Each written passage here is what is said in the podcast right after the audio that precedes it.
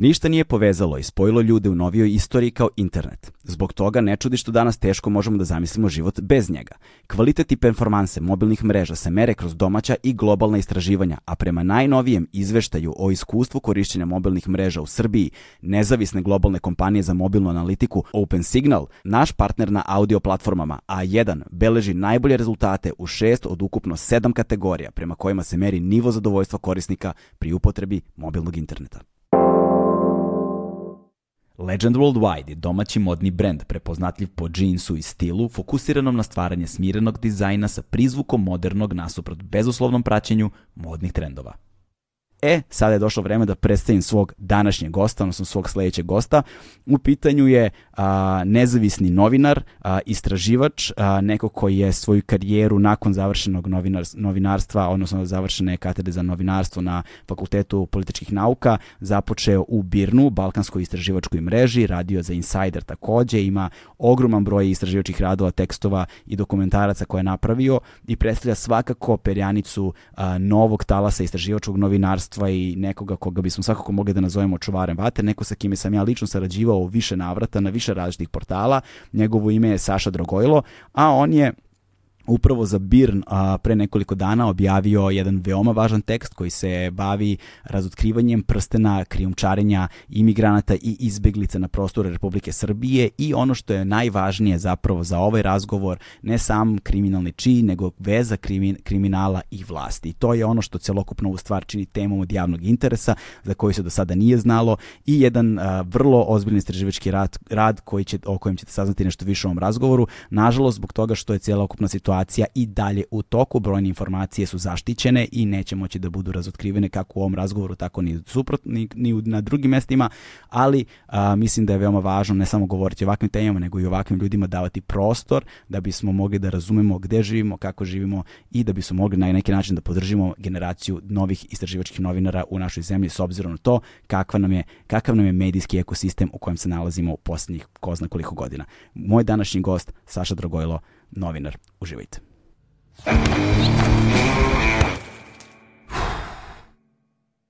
Hmm.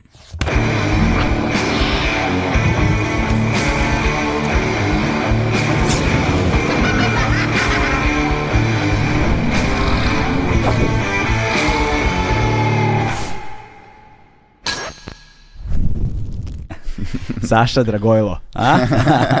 Znate, ovaj, znao sam, razumeš, da, da, da tvoja sudbina ide u ovom smeru. to, to, to, to, to, da. Zna, znao si da ćemo se videti. Da, znao sam već godinama...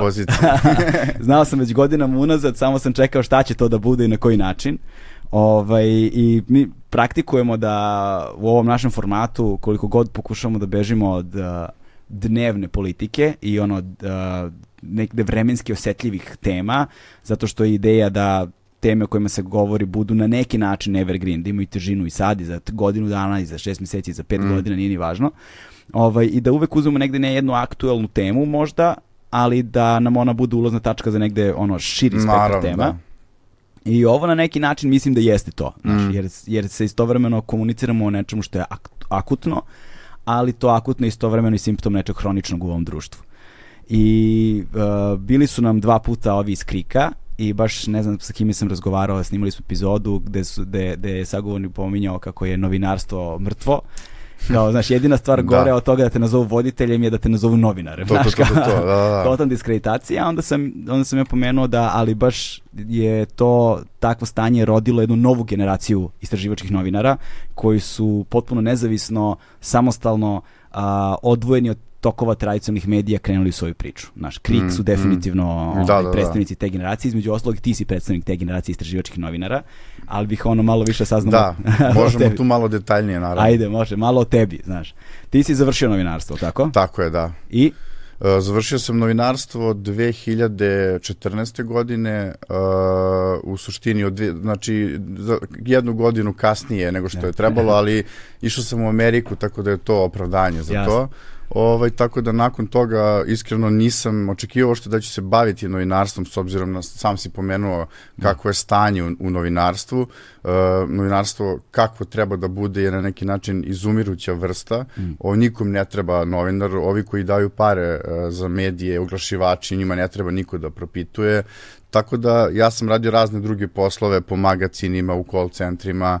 Ti call centri su mi, mislim, dosta pomogli na kraju u novinarstvu, ispostavit će se. Kada vodim razgovore sa ljudima, mislim da su mi se tu skillovi dosta ovaj, upgradeovali. Tako da u nekom momentu uh, je stigao uh, mogućnost da se zaposlim u Birnu, pre svega na Balkan Insightu, na, na regionalnom portalu na engleskom Birna koji pokriva ceo region, sada već i šire od regiona. Šta je Birn, samo objasni ljudima koji ne znaju? Pa Birn je balkanska istraživačka regionalna mreža koja postoji već više od 15-20 godina i koja je pre svega dakle jedna uh, uh, organizacija koja je u čitavom regionu u Srbiji, Makedoniji, uh, Crnoj Gori, Albaniji i tako dalje Uh, uh, ima svoje, dakle, svoje organizacije lokalne koje se bave istraživačkim uh, i dnevnim novinarstvom, kao i razne druge uh, kampanje koje se tiču, ne znam, demokratije, ljudskih prava i tako dalje. Okay. Tako da u suštini tada 2015. ja sam se tu zaposlio i tada počinje u suštini neki moj put uh, kao novinara u ovim tradić, uh, uh, klasičnim medijima. Ja sam naravno i pre toga radio ovaj, i pisao za medije i za Vice, da, tada smo se i upoznali, je, da. da, pre toga za e-novine i za mnoge druge ono, portale, gde sam ja tada više pisao malo neke a, autorskije tekstove, mm. koji nisu bili baš žanrovski jasno određeni, ali recimo da ta 2015. kreće taj neki klasičan put uh, mene u, da. u medijima. Da, super. E, i ovaj, ti nisi radio samo za Birn? Radio si za druge. Naravno, da. Kao na primjer. pa, ra aha, ok, da. Uh, radio sam, uh, posle Birna radio sam za Insider uh, tri i po godine uh, i onda sam radio godinu dana za, bio sam freelancer mm. i kad je došla korona, dobio sam ponovno poziv od Birna da se vratim mm. i iako mi je bilo ok kao, kao freelanceru, što je malo iznenađujuće u Srbiji, uh, korona i cela situacija i nekakav dobar odnos sa ljudima koji su trenutno u Birnu me natrela se ponovo vratim u Birnu, tako da sam tu sada i dalje. E, sjajno. Ovaj, od nekih priča koje si radio do ove koje će nam biti fokus današnjeg razgovora, pomeni samo nekoliko. Uh, uf, pa svašta sam radio. Koje su ti dakle, najznačajnije? Radio si svašta, da, mislim. Da, da, da, da, pa mislim bavio sam se pre, pre svega bavio sam se jednom te, je, oblašću koja je, u Srbiji među novinarima nije toliko popularna, to su socijalna i radnička prava, na primer.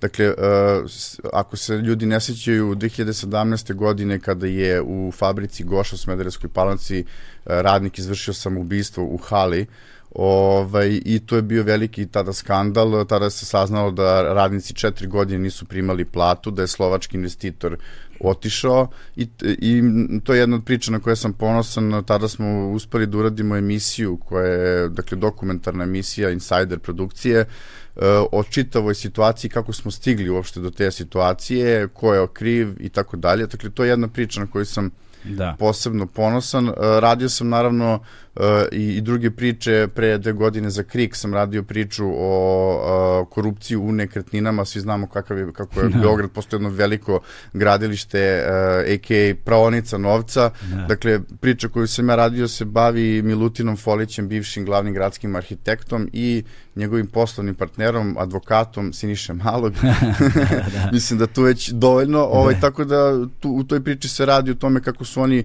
projekte koji su dok su bili na funkciji da. uh, pripremali i dogovorili, na kraju su ispostavila su kad su otišli sa funkcije, uh, zarađivali novac od toga, odnosno bili angažovani na tim istim projektima da prodaju stanove. Radio sam priče o trgovini oružjem, dakle o Slobodanu Tešiću, našim, našem najozbiljnijem trgovcu oružjem koji je možda najjači na Balkanu i koji je na crnoj listi SAD-a, dakle o izvozu oružja uh, u uh, Jermeniju, onda o našem izvozu oružja Milnar, mislim, bave se do, dosta uh, tom ne. temom, tako da svašta se to, sad, da, to. teško je, teško sasvim, je nabrojati. Sa, sasvim je ovo dovoljno kao uvod, uvodna stavka da negde ljudi koji nisu čuli za tebe steknu sliku o tome ko si, šta si i koliko si relevantan sagovornik da govorimo o svemu ome što će nam današnja tema biti i da negde kaže, stavimo ljudima do znanja ono Saša Dragojlo ime koje treba da upamtite kada je novi, budućnost našeg novinarstva u pitanju. A, um, tema kojom će se da, ćemo se danas baviti, uh, samo da pomenemo odmah o čemu se radi, pa ćemo onda da se vratimo nekoliko koraka unazad da damo širi kontekst, zato što nisam siguran koliko ljudi to aktualno i aktivno prate.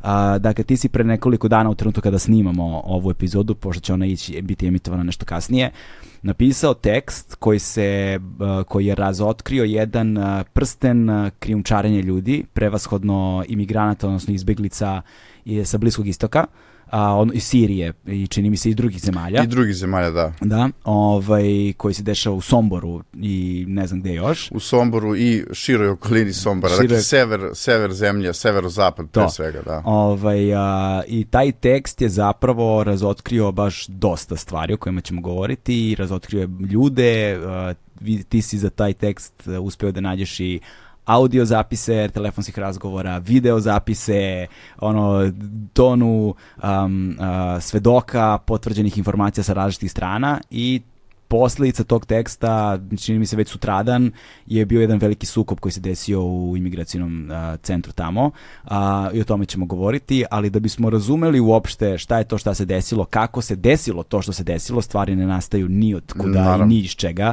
ono kreaciju ex nihilo, to, toga nema. Dakle, moramo da damo jedan uvodni segment same imigrantske, odnosno izbegličke krize na ovom podneblju i negde smo mi slušali o tome kao kada je bio taj, taj kada je bio taj prvi veliki talas izbeglica iz, nakon sirijskog sukoba, da. ovaj, to je bila velika tema, ali sada, nekoliko godina kasnije, mislim da se tome ne pridaje puno značaja, ali da imamo jednu vrlo ozbiljnu situaciju.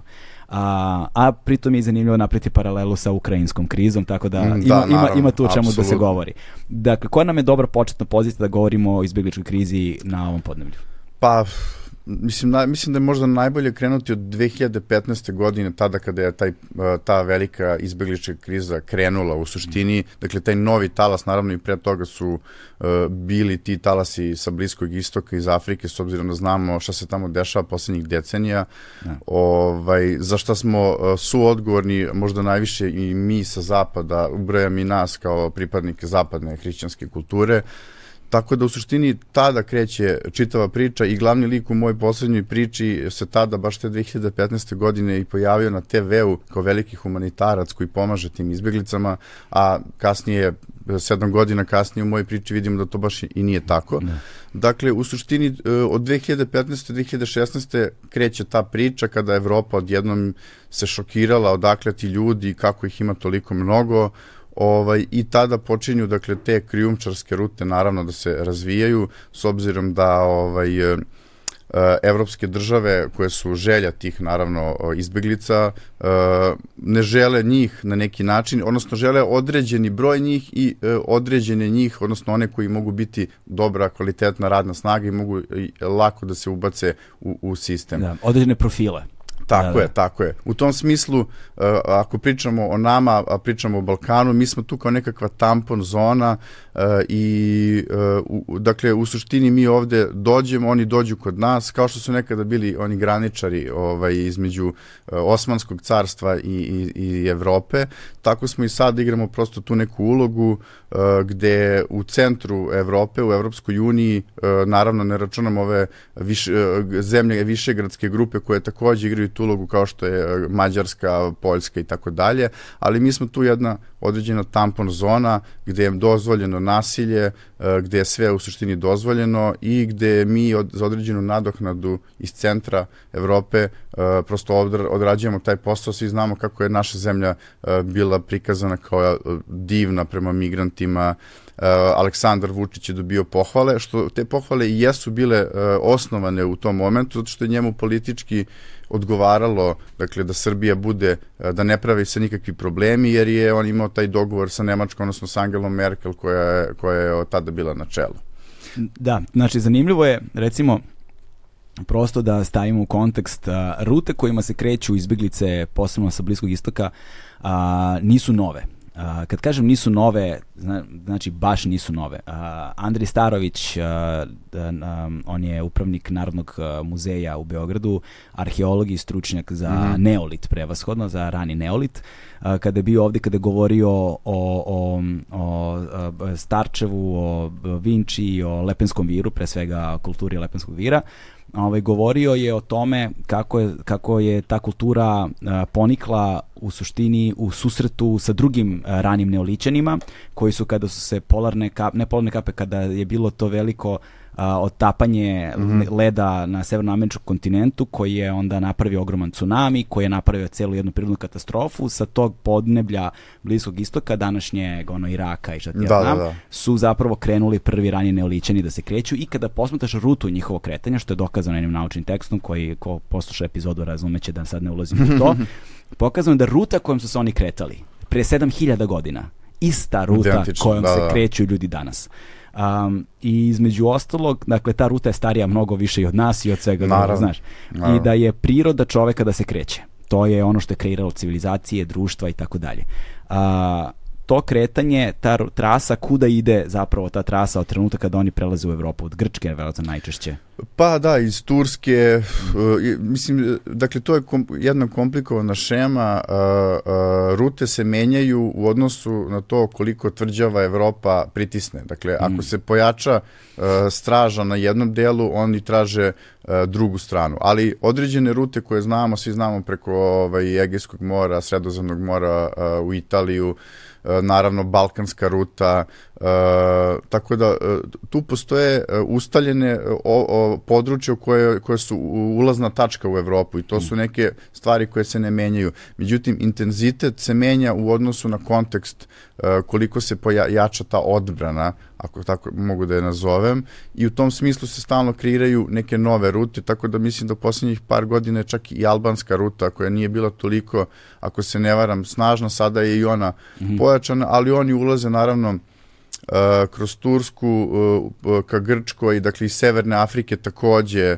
ovaj, idu brodovima uh, i kada dođu na, ako ako se fokusiramo na Balkan, dakle idu, išli su i kroz Bugarsku, kroz Makedoniju, apsolutno jedna od zemalja koje ovaj, su jaka tranzitna zemlja i naravno Srbiju. Srbija je u suštini možda naj, najveća tranzitna zemlja zato što iz nje uh, se mogu kretati i ka Rumuniji, i ka Mađarskoj, i ka Hrvatskoj, i Bosni, dakle prosto na razne načine mogu da, da, da pokušaju da uđu uh, u Evropsku uniju.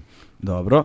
A, I um, kada, kada je krenula velika a, kriza ovde sa jel te, tim sukobima u Siriji, mi smo tada da dobijali ono stravične naslove a, milion izbeglica, mm, mm. ne znam, naš, ko je prolazio vuda, ali ono što je bilo iznenađujuće u trenutku kada smo posmatrali scene, recimo, nasilja na makedonskoj granici, kada smo posmatrali scene nasilja i dizanje ono, ograde da. sa Mađarskom i tome šta se radilo na granici sa Hrvatskom, kada smo videli šta se dešavalo u drugim zemljama na Europi, na narative mm. koji su se gradili kroz uh, medije u tom periodu, mi smo ovde imali u početku jednu sliku zapravo solidarnosti. Kao da su negde naša iskustva s početka 90-ih naroda sa ovih prostora a, ostala živa na neki način i stvorili smo jednu impa, imali smo identifikovanje sa njima što je kreiralo empatski, empatski odnose mm. i scene koje smo posmatrali na bivšoj zapravo glavnoj autobuskoj stanici danas, to je sada sve drugačije da, da, da, izgleda. sve drugačije izgleda. Imali smo jednu drugačiju sliku u početku, sećam se kada smo prolazili dole, kada su mi radili tamo reportaže, ljudi su donosili mm. čebad, uh, odeću, da, da. supe, organizovali su se i tako dalje, ali vrlo brzo pa je da. taj narativ promenjen. U suštini mislim da sve ima svoje, e, što bi rekli kod nas svakog gosta tri dana dosta, tako da tu mislim da ima više faktora zbog čega je to tako. Jedan od faktora je to što u našoj zemlji postoji dakle, jasno političko ustrojstvo sa vrha ka dnu i kada a, vođa Aleksandar Vučić kaže da je to zvanična politika, onda svi, dakle od ozgo ka dole, uključujući i medijske i tabloidne provodnike, Uh, dakle, oni, oni stvaraju narativ da je to u redu, da su to fini ljudi, onda se uh, a, a, kreiraju ti narativi o kako smo mi dobri domaćini, pa mi imamo iskustvo, isto izbeglištva i tako dalje i tako dalje.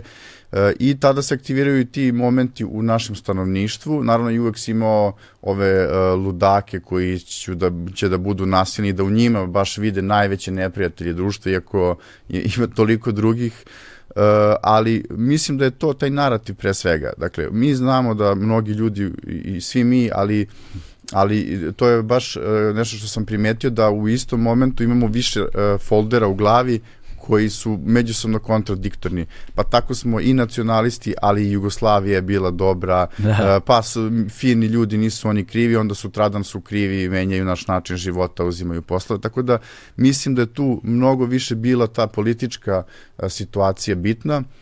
I naravno, ovaj, Srbija je, da, i to kao što sam pomenuo, mi, mi smo bili najmanje nasilni prema izbjeglicama, iako je bilo i, takođe incidenata, ali Makedonci, Bugari, to su baš bili jezive scene koje su mediji izveštavali, dakle, i koje su bile ovaj, javno poznate. A1 je prvi prijatelj audio izdanja Agelast podcasta. Ali situacija se sa vremenom e, menjala e, i danas Srbija takođe ne važi kao zemlja koja je najnasilnija e, situacija na terenu, dakle mnogi izbeglice s kojima sam ja pričao tvrde da, da, dakle, da su zemlje koje su u Evropskoj uniji, dakle prva granica Evropske unije, da su oni najnasilniji i da ih najviše maltretiraju, otimaju imovinu, skidaju gole, fizički zlostavljaju, vraćaju, dakle ono pushbackuju što bi se reklo. Mm. Tako da uh, ono što je bilo nekada uh, incident uh, to, što su bili kao ekstrem, ekstremisti na Balkanu ili Orban uh, ludak, uh, mislim da je vremenom postalo nešto što je mainstream samo na drugačiji način. Uh, Dakle, e, od 2016. do danas imamo ogromnu promenu u e, e, diskursu Evropske unije. Nekoliko faktora je tu zanimljivo. Dakle, ogromno ulaganje u Frontex, to je dakle, jedinica Evropske unije za kontrolu granica. Dakle, ulaganja u Frontex su povećana dakle, nekoliko puta, iznose preko milijardu evra na godišnjem nivou. Takođe, Uh, ono što, što je bilo kao incident počelo je da se toleriše na neki način da uh, mi ovde na nekoj periferiji obavljamo prljave poslove za centar uh, gde se nalazi sva moć praktično i u tom smislu možemo pratiti nekoliko trendova. Dakle, jedan je taj uh, jačanje uh, uh, te straže, sekuritizacija na neki način, a drugo je outsourcovanje ovaj tih kampova za azilnu proceduru, što je jako interesantno pošto outsourcing je postao jedna od vodećih uh, motiva našeg sveta. Dakle, uh, možda to zvuči suludo uh, gledajući tome šta se priča o evropskim vrednostima, humanizmu i tako dalje, ali naše doba je bukvalno vreme licemerija i u tom smislu uh, evropske države uh, su uh, praktično outsourcovale svoje azilne migrante koji dođu u njihovu zemlju, dakle oni ne mogu čekati u, u, na primjer u Danskoj koja je poznata kao jako ksenofobna u poslednje vreme,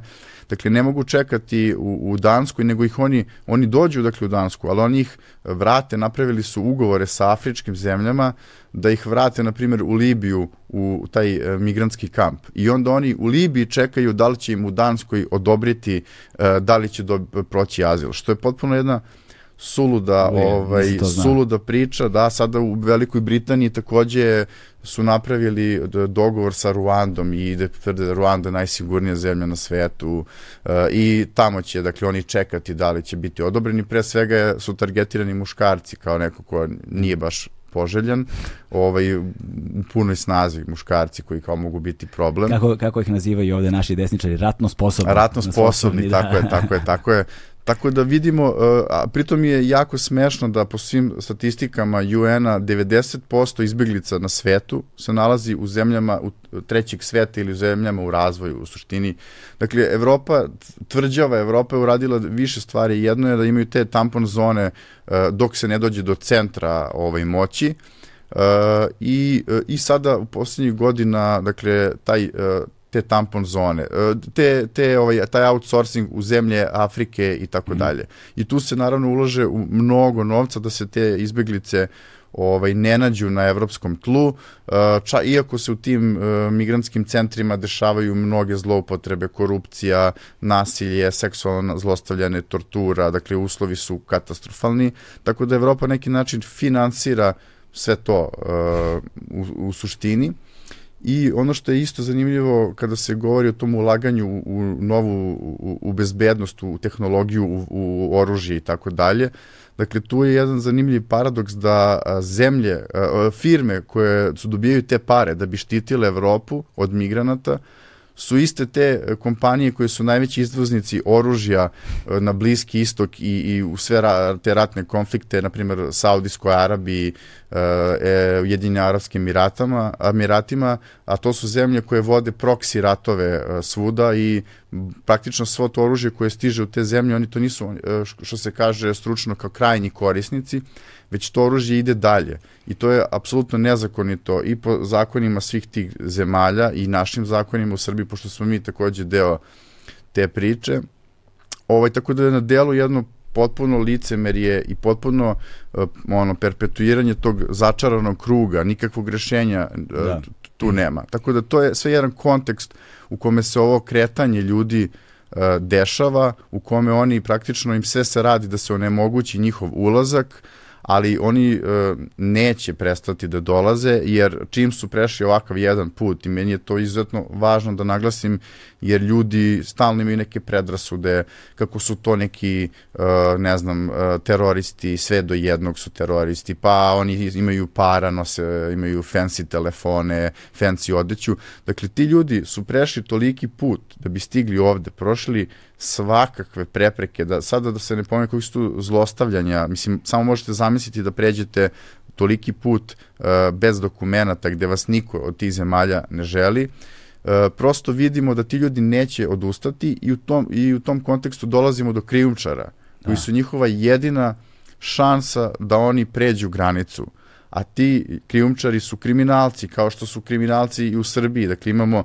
građane koji nisu kriminalci, imamo kriminalce i prosto, mislim, ne treba ovaj, paternalizovati e, te ljude kao što mnogi rado, oni su svi ono fini, ali ne treba ni od njih pretvarati crne đavole, jer nisu, oni su ljudi kao i mi sa svojim manama i vrlinama i kada prođu taj put prosto nije, nije lako mm. se oduprati tome, tako da eto, e, ceo taj sistem koji je stvoren um, u Evropi i među svim tim državama praktično podstiče razvoj krijumčarske industrije, a iz ove moje priče koje ćemo pričati kasnije možemo imati i korupciju i direktnu spregu sa državom, sa pojedinim krijumčarima. Da. Ove, kada govorimo o tom licemerju, da ga onda sad još malo naglasimo, um, dakle, kada se desio prvi taj veliki talas imigranske, odnosno izbjegličke krize, um, brojke o kojima se govorilo, u jednom trenutku se govorilo oko milion ili ne znam koliko, da li je mm. više od milion kao izbjeglica. Da, iz, milion i po. Nešto tako, tako da. da. Ovaj, a onda kada se desila invazija Rusije na Ukrajinu, imamo jednu sasvim drugačiju sliku. Da, mislim, e, sada ti to nisu izbjeglice, to su naši ljudi, kao što su na američkim televizijama pominjali, ovaj, oni su, izgledaju kao mi, oni su civilizovani, mislim, oni kao gledaju iste programe kao mi, mislim, to, to su neke potpuno sulude ovaj, e, formulacije rečenica, gde je neverovatno da se to pušta na tim kao velikim demokratskim e, televizijama gde su postoje neki civilizacijski standardi. I prosto vidimo da je za par meseci preko 4-5 i više miliona ljudi je bukvalno uplovilo u Evropu, u različite države, da, da niko ništa, niko se ne žali na to, da, ovaj, da je sve to sada u redu, Mislim, kako, kako je to moguće? Ovaj... Ne, postoji, ne postoji nekakav problem asimilacije odjednom? Pa ne, no. kao ok, oni su evropljani, ok, da, ali mislim, ovo je 5-6 puta veći broj ljudi i kao uh, ti ljudi moraju negde da rade, moraju da dobiju nekakva sredstva, kao kako to sada nije odjednom problem. Da. A pritom bilo je izuzetno zanimljive scene kada su uh, u Poljskoj, ako se ne varam, stizali uh, vozom uh, studenti iz uh, Afrike ili sa Bliskog istoka koji su bili u tom momentu u Ukrajinu i kad oni nisu htjeli njih da puste, ako su isto bežali kao i ovi Ukrajinci. Da. Što je potpuno, znači, sulude scene na neki način. Da, sećam se tih reportaža ovaj, sa studentima iz afričkih da, zemalja da, da, da. koji su se nalazili u Ukrajini ili još zanimljiviji, oni koji su bežali u Ukrajinu iz svojih zemalja, onda ih u Ukrajini sačekala situacija i na graničnim prelazima im nisu dozvoljavali da pređu. Da, da, da. Vadili, izdvajali su ih iz autobusa i vozova i držali su ih na granici, nisu dozvoljavali da mm. da pređu granicu zato što, jel te, nisu beli. Tako je, da. Što je ovaj, problem o kojem, ono, treba znaš, posebno se pozabaviti Naravno. njime, mi nećemo trenutno se bavimo ovime, zato što bi to uzelo sve vreme da. ovog sveta i celokupno vreme koje imamo za, ovo, za ovu epizodu. E sada, sad kad smo ustanovili te neke osnovne stvari, uh, hajde da počnemo sa tvojom pričom. Dakle, uh, taj talas uh, iz, izbegličke krize je imao taj svoj neki vrhunac te 2000, sad ne znam koja je to već godina, 17. na primjer, 18. Pa da, mislim 18. da je 16. bilo, Da. da, I taj ovaj, pik. on, da, o, on više nije toliko aktuelan, ali zapravo jeste. Tako je. To je jedna velika ono prevara. I sad ponovo vidimo koliko su koliko je to kreiranje narativa, priče kroz medije i kroz kroz diskurs javni bitan. Dakle brojevi u Srbiji i u drugim zemljama apsolutno nisu ništa manji kao ranije uh, u suštini, dakle, na primjer, recimo u Srbiji uh, cifra se kreće oko 4-5 hiljada uh, ljudi koji su u kampovima. Međutim, tu bar još 40% od te brojke su van kampova. Dakle, o, pošto ova kriza traje dugo, oni su apsolutno razvili jedan svoj svet ovde kako podrške i, i svega ostalog. Mnogi od njih koji su povezani sa tim kriminalnim grupama su razvili dakle e, e, sisteme podrške u smislu stanova, kuća i tako dalje. Oni se onda nalaze u skvotovima, po šumama i, i gorama, dakle prosto na sve načine pokušavaju da što pre pređu granicu, jer kada si u kampu ti ćeš sporije i teže preći granicu. Zbog toga imamo imamo tu, tu, tu razliku između ljudi koji su u sistemu i oni koji su van sistema. I ovaj tako da to da nema tih ljudi da sad uh, su oni ti brojevi se smanjili, to je apsolutno netačno. Uh, i, i dakle to, to, je, to je baš jedna, jedna stvar koja, koja je važno pričati i koju ja sam bio pre par meseci tokom rada na ovoj priči u Radanovačkoj šumi na samoj granici uh, sa Mađarskom. Uh, dakle, odmah tu pored je i ova Akademija Srpske napredne stranke za mlade ovaj, talente.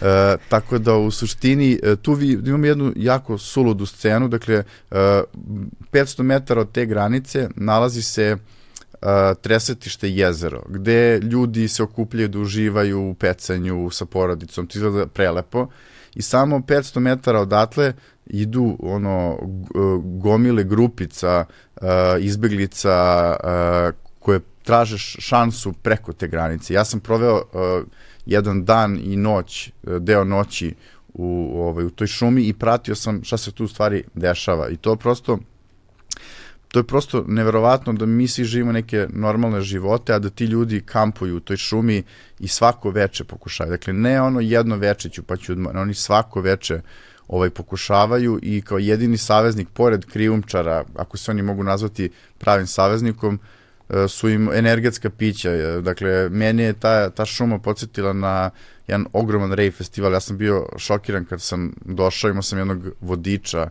koji poznaje tu šumu kao sobstveni džep, ali bukvalno gde praktično gledam ono grupice ljudi koji se skupljaju sa svih strana, nose ranče, kao da idu neki rej festival, ono, piju ona energetska pića, ono, logorske grupice, šatori, i kao potpuno jedna druga realnost u odnosu na nas i niko o tome nije ni znao. Mene su ljudi zvali na medijima da pričam o tome, ja sam bio e, iznenađen iskreno da me neko, ovaj, jer je za meni to bilo kao pa to se stalno dešava. ali, ali oni su kao tek tada otkrili da, da se to dešava, kao wow, ljudi prelaze granicu i dalje i kao e, nalaze se u šumi, žive u šumi, mislim, na neki način i kao sve se to tamo dešava. Da, da, da. A, ovaj, imaš tek, ti si napisao tekst uh, za Birn takođe, Da. ovaj, to je bilo što je bilo prošle godine, čini mi se, 2021. si ga pisao. Jest. Ovaj, ima tu fotografija kako to izgleda kao ono, broj limenki na jednom mestu u šumi. Da, da, ono, to je da. tekst od, od ove godine, pre To je par tekst od ove- meseci. pre- pre par meseci, aha, da. okej, okej. Um, e sada, a, a, fokus našeg razgovora su zapravo ti krijumčari. Mhm. Ovaj, koji su oformljeni kada, kako, kako, kako izgleda njihov razvojni put, kada si ti prvi put dobio neki, ne, ne, koja je bila prva informacija, koja je bila tvoja, što bi rekli Hrvati, ulazna točka, dakle da, Da, odmo, da, da, da. odmotaš klupko. Da, da, da, pa krijumčari postoje, ono, to je kao jedan od najstarijih zanata, da, da se ne lažemo, gde god treba nekom nešto, postoji nekakav krijumčar. I čim je nastala ova ruta, čim je krenula izbegliča kriza, pojavili su se krijumčari. Da. Krijumčarske mreže, zavisnosti od toga koliko su ozbiljne, e, snažne, Uh, bukvalno se prostiru od same tačke odakle izbjeglice kreću iz njihove dakle zemlje do uh, zemalja u Evropskoj uniji. Dakle, Koje su njihove konačne destinacije. Tako je. Da. I u tom smislu ozbiljne te krijumčarske mreže su povezane, dakle, od početka pa do samoga kraja. Ja. Uh, I tu je važno napomenuti da postoji taj havala sistem u kom sam se, s kojim sam se ja bavio u, u ovom jednom tekstu koji sam objavio prošle godine uh, koje se bavio, dakle, baš tim Havala sistemom. Šta je Havala sistem? Havala sistem to je neformalni sistem plaćanja, uh, praktično kao nekakva banka ili kancelarija, gde ovaj, ljudi, a u ovom kontekstu migranti koji žele da pređu i, i krijumčari razmenjuju novac. I sada, da vas ne bi krijumčar opljačkao usput i rekao obećao vam jednu stvar, pa onda uh, vas prevario, što se često dešava, uh, vi, uh, dakle, ostavljate na jednom mestu koje ima, uh, ima ugled i ima kao prosto neki, nekakav uh, personalizovani ugled. Tu nema nekakvih papira, potpisali ste ugovor kao u zapadnim bankama, već prosto oni važe za neko ko će to ispoštovati. I, i vi imaju, ostali... imaju reputaciju, kredibilitet. Jeste, da. To, to je na poverenje se ide Aha. na neki način i, na primjer, migrant, izbjeglica tu ostavi novac za krijumčara, u toj kancelariji i banci. A čekaj, gde se to dešava? Tamo na meso, dakle, polaze ili... Svuda. Dakle, postoji u Srbiji, o tome ćemo pričati Aha. kasnije. Ovaj, dakle, svuda, znači, na celoj ruti u svakoj zemlji postoji nekakav takav sistem. Uh, za one za koje ja znam pouzdano, mislim, u Grčkoj, Turskoj, u Severnoj Africi, u Libiji i tako dalje, u, u Beogradu, Uh, dakle, pomenuću to kasnije. Uh, ovaj, tako da u suštini fora sa tim je da migrant ostavi, ne znam, 3.500 evra za krijumčara, a krijumčar će novac dobiti tek kada migrant pređe granicu. Aha. I kada se javi da je sve u redu, onda ovaj dolazi uh, i kaže šifru, kod, pošto ostavlja se prvo kod na početku koji migrant uh, ovaj ostavlja i onda dolazi krijumčar i kaže kod, i ovaj mu daje pare. I to je nekakav sistem koji se razvio Ujemate. ovaj, kako ne bi ovaj, da. Kapiraš ti koliko je to kompleksno? Mislim, znaš, doći do takvog sistema je potrebno jako puno vremena i jako puno prakse. To je istorijski sistem. Mislim, to mm. je ono u tradiciji e, blisko, ist, blisko istočnih zemalja i tako dalje, uh, uh, Arapa generalno, Tako da sada kada je bila izbjeglička kriza, to je se idealno pokazalo za ovakav nekakav transfer novca, nema poreza, nema ničega, nema mm. tragova, efikasno je i brzo, ne mora se pre, prelazi nekakav put, ono novac stoji na mestu, ne kreće se. Ali tu važi data reč. Tako je, da, da. da, da tu važi, tu važi da, da, data reč. Da, bez. Ok, dakle, pa jeste. Dakle, sad me baš zanima šta znači havala. Ha, havala, da li možda naše hvala ima etimološki veze sa time? To ne znači znam. transfer na neki ne, način. Ne, da. Tako, e, u tom, u tom smislu. Na kom se, jeziku? Baš me zanima varam, Ako se ne varam, da. Da je bilo lepo naći etimologiju to, te reči. Da, da, da. se zabavio. Ovaj, Tako da ovaj to je način e, kako kako oni oni su kretali, kako su ti krijumčari prosto nastali jer svi kada vide problem žele da zarade. Mislim da. to je neki kredo ovaj da. našeg sveta.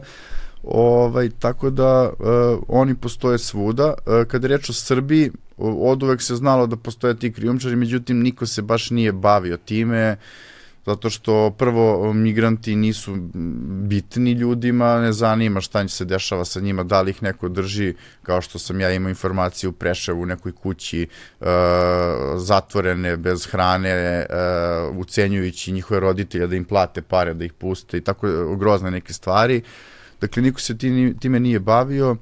Ovaj, ja sam, kako sam ja, koja je bila ulazna tačka? Dakle, e, novinari funkcionišu danas na jedan način, prosto a, ima toliko problema i toliko potencijalnih tema, ako vidite da ne možete da, da rešite tu temu, da uđete u nju, da, da dokažete stvari, jer nije, nije dovoljno da vi znate nešto, nego morate dokazati, ovaj, vi se ne bavite tom temom. Ja kada sam dobio a, iz policijskih izvora određeni dokument, dakle jednog doušnika vojno-obaveštajne agencije, mm. gde on praktično kod njega je pronađeno a, beleške koje on slao.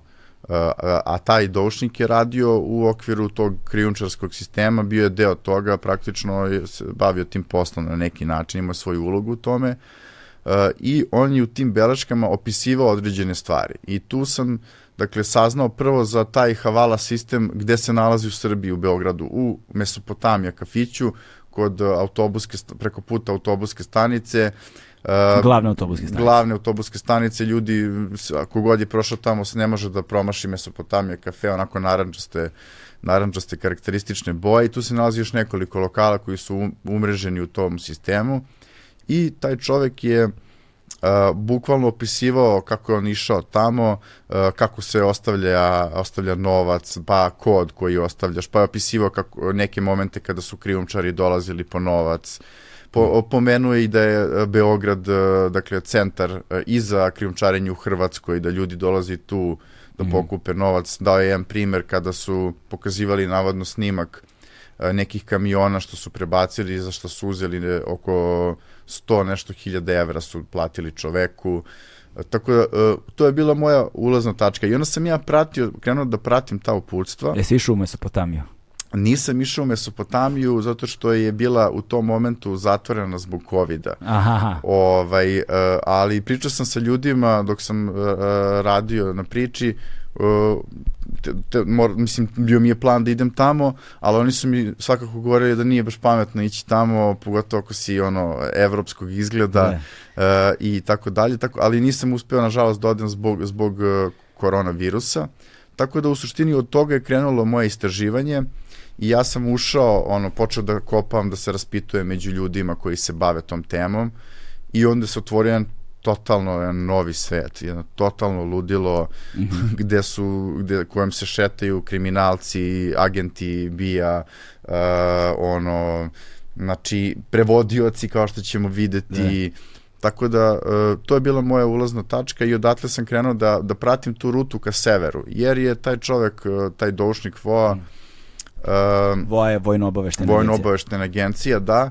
Uh, o, on je bukvalno opisao uh, so, šta se dešava u Somboru. Dakle, do, za ljude koji nisu u ovoj temi, uh, postoje različite rute, ali ruta ka Mađarskoj je ona koju sam ja najviše uh, istraživao. Naravno, i Hrvatska i Rumunija, sve zemlje koje su ka severu.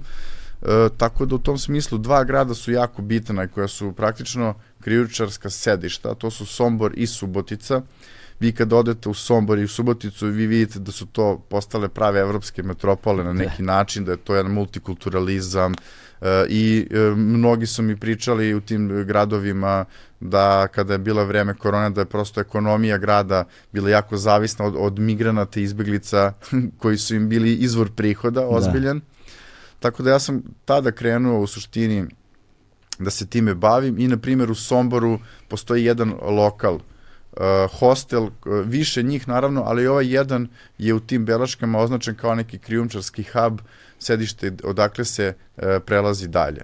Uh, ovaj, tako da tako sam ja krenuo s se bavim ovom da, temom. Taj lokal je? Uh, taj lokal se zove Beli dvor. Beli dvor, on je, se nalazi malo van grada mm -hmm. uh, i, i ima dva naziva, uh, Hotel George ili Hotel George, kako ga zovu po ovaj, vlasniku, Aha. vlasniku hostela. Tako da, uh, kako kreće cela ruta, mogu da objasnim u suštini kako se prelazi granice i kako cela ta procedura izgleda. Dakle, vi, na primjer, ako, ako, ako računamo da ste u Srbiji mm -hmm. po, počeli proceduru, da ste pre toga dolazili drugim načinima, moguće je i da, na primjer, ne znam, u Turskoj uh, da ste ostavili novac i onda vas krijumčar, kada dođete, kada pređete u drugu zemlju, on, vi ste u kontaktu sa njim, on vas spaja sa svojim uh, uh, ljudima, logističarima i tako vam obezbeđuju celu rutu, dakle recimo iz Turske do Evropske unije. Međutim, ako ste, na primjer, stigli nekako do, do Srbije, vi u Mesopotamiji ostavljate novac, onda odlazite ka severu... Ostavljate novac i šifru. Tako je, i šifru. Odlazite, ovaj, čovek uh, vas kupi recimo na autobuskoj stanici, uh, odlazite u Sombor, na primer, u Somboru vas smeštaju u neki od tih hostela ili naravno skvotova, sve zavisi, i tu čekate u suštini moment kada ćete uz, uz pomoć krijumčara i njihovih pomagača, vodiča, logističara i raznih tu ljudi koji su uključeni i čistač, postoji ta uloga ako se prelazi sa ovim motornim vozilima, na primer, pa ima, imate osobu koja uh, ide ispred prati da li policijske patrole se gdje šta nalaze i onda javlja kako bi to se ovaj kao neka izvidnica. Tako je, da, nesmetano prošlo. E, naravno oni koriste i, i, i druge načine prelaska, a to je sečenje on, žice i preskakanje, a, takođe i tuneli, to je izuzetno zanimljiva priča, ovaj, e, među beleškama ovog doušnika su se na, nalazili opisi kako su subotička policija uzimala novac kako bi se gore na Horgošu, dakle, kroz jedan, kroz jedan tunel ovaj, kako bi migranti prolazili i uzimali su nadoknadu za to, to je samo ne. Da. jedan primer. Oni prelaze i čamcima ovaj, uh, uh, dakle, kako bi prešli granicu, tako da postoji, naravno, kriju se u kamionima, u vozilima, postoje tu čak i hirarhija o tome kako ko prelazi, ko ima više para, on će mnogo lakše i, i lepše da pređe. Da, video sam, video sam baš vest uh, pre dva dana, čini mi se da je bila, ili možda čak i juče, ne, pre dva dana čini mi se da je bila da su u Teksasu, kod San Antonija negde, čini mi se, pronašli kamion uh, da. sa 46 mrtvih u kamionu, brate. Užas, užas. 46 mrtvih i ne znam ko zna koliko njih još koji su bili nešto jedva živi i pokadavali znake života i oni snimci broja vozila hitne pomoći, patrolnih vozila i tako dalje. Ne znam, neku dojavu mm. su dobili u kamionu koji stoji tamo. To su vjerojatno ovi uh, imigranti, odnosno izbjeglice iz Meksika. Koji su, Jest, da, koliko da. ljudsko biće treba da bude očajno? Šta treba u životu da se desi? Znaš, da ti pristaješ na takve vrste uslova Upravo to, prelaska, da. znaš, i kao šta je to što su oni doživjeli, vidjet ćemo da će epilog toga da bude, ali mm. prosto negde dos, oslikava i dočarava dodatno da problem nije samo lokalne prirode, to je nešto što se dešava svuda. Naravno, da, to je to je jedna ši, široka široka mm -hmm. priča koja vi imali smo te primere sa kamionima i tim nesrećama, ovaj i u Austriji pre par godina. Mislim to se stalno dešava da. na različite načine, da li kamioni, da li se udave ovaj na moru. Da. Da li, mislim strašne stvari. I to je to, to je taj to je to naličje priče o humanizmu u suštini. Mislim, mm e, koliko se priča to, o tome, delovalo bi kao da mi ne dozvoljavamo nikakve takve stvari, ali vidimo da to prolazi sada kao jedna crtica u vesti, da. da to niko, niko više ni ne zanima. Dakle, te beleške tog doušnika vojno-obaveštene agencije je nešto što je dospelo tebi u ruke. Tako je. I što ti dalo negde temelje i osnove za dalje istraživanje. Jeste, jeste. I onda sam ja počeo polako da, i, e, ovaj, da to širim i objavio sam taj prvi tekst prošle godine koje govori dakle o vezama određenih krijumčara sa policajcima, međutim to je bilo uh, prosto kao na neki fenomenološki način objašnjeno yeah. Da. i objašnjena ta Mesopotamija, taj Havala sistem, rute prelaska, ta korupcija, ti tuneli i tako dalje i tako dalje. Međutim, uh, ja sam time upoznao na neki način scenu i znao sam njih kako se zovu, ne. Uh, kako izgledimo sa njihove fotografije. Ja pola tih stvari ne objavljujem zato što nije, neke stvari nisu od javnog interesa, ajde da bi zaštitio da. ovaj svoje izvore. Dakle, ja sam ono, mislim, organiz... to je baš ono bilo filmski, ja sam praktično organizovao prismotru nečih stanova da bi znao gde se oni nalaze, onda sam proveravao da li neko živi na nekoj adresi, zato tako što sam ono, slušao da li pričaju arapski i tako dalje. Tako da ovaj, upoznao sam čitavu scenu i kada je vreme malo prošlo, to je dakle ove godine, dobio sam neke informacije da se nešto ozbiljno dešava, da su neki ljudi mnogo ojačali. E, I ja sam krenuo čisto prvo da radim taj neki kao follow up, da vidim šta se dešava sa ovim ljudima s kojima sam se bavio. Mm. I onda sam video da se tu dešava show, da ti ljudi su ušli u legalne tokove, da imaju firme, da, da to praktično ušlo u proceduru pranja novca. Mm -hmm. Uh, I onda sam saznao za određene ljude koji su mnogo jaki, dakle, ja nisam njih, uh, dakle, govorimo o, u mom, mom posljednjem tekstu o, i o, da kažem sad ljudima u suštini šta je, šta je ovaj posljednji tekst. Dakle, posljednji tekst se bavi o jako filmska scena, dakle, prevodilac srpske policije uh, koji je ugledan u društvu, poznat kao lobista arapskih investicija, ugostitelj, humanitarac, koji je baš one 2015. i 16. delio tim izbeglicama paketiće. Prema svim e, dokazima koje sam ja skupio, je praktično jedan od vođa krijumčarske ovaj, bande, koja je jedna od najjačih i za to ima ozbiljnu državnu i policijsku pomoć i jedan od tih ljudi u policiji koji njega štite i pomažu mu je, kako sam ga ja nazvao tu, kako ga oni zovu, kodno ime Major Deki. Da. Ovaj, tako da u suštini da bi ja došao do, do priče o ovim ljudima, na primjer, i da, da prosto na neki način otkrijem te mehanizme, ja sam krenuo kroz neke manje igrače. Da. I onda uh, uh, odjednom su krenuli da se, stvari da se otvaraju. Kada se bavite dugo nekom pričom, vidite u stvari da tu se nalazi pro, potpuno jedno ludilo i pregrš nekih. Koliko si dugo bavio ovom pričom? Pa u suštini ovom poslednjom sam se e, efektivno bavio na tri meseca, ali s obzirom, kažem ti, bavio sam se za ovaj prethodni tekst, prosto sam u, u jednu godinu, više od godinu dana u priči, odnosno da pratim, mm -hmm. pratim ovu priču. Uh, i ovaj... Ali sad je još jedno pitanje mm. pre nego što nastaviš.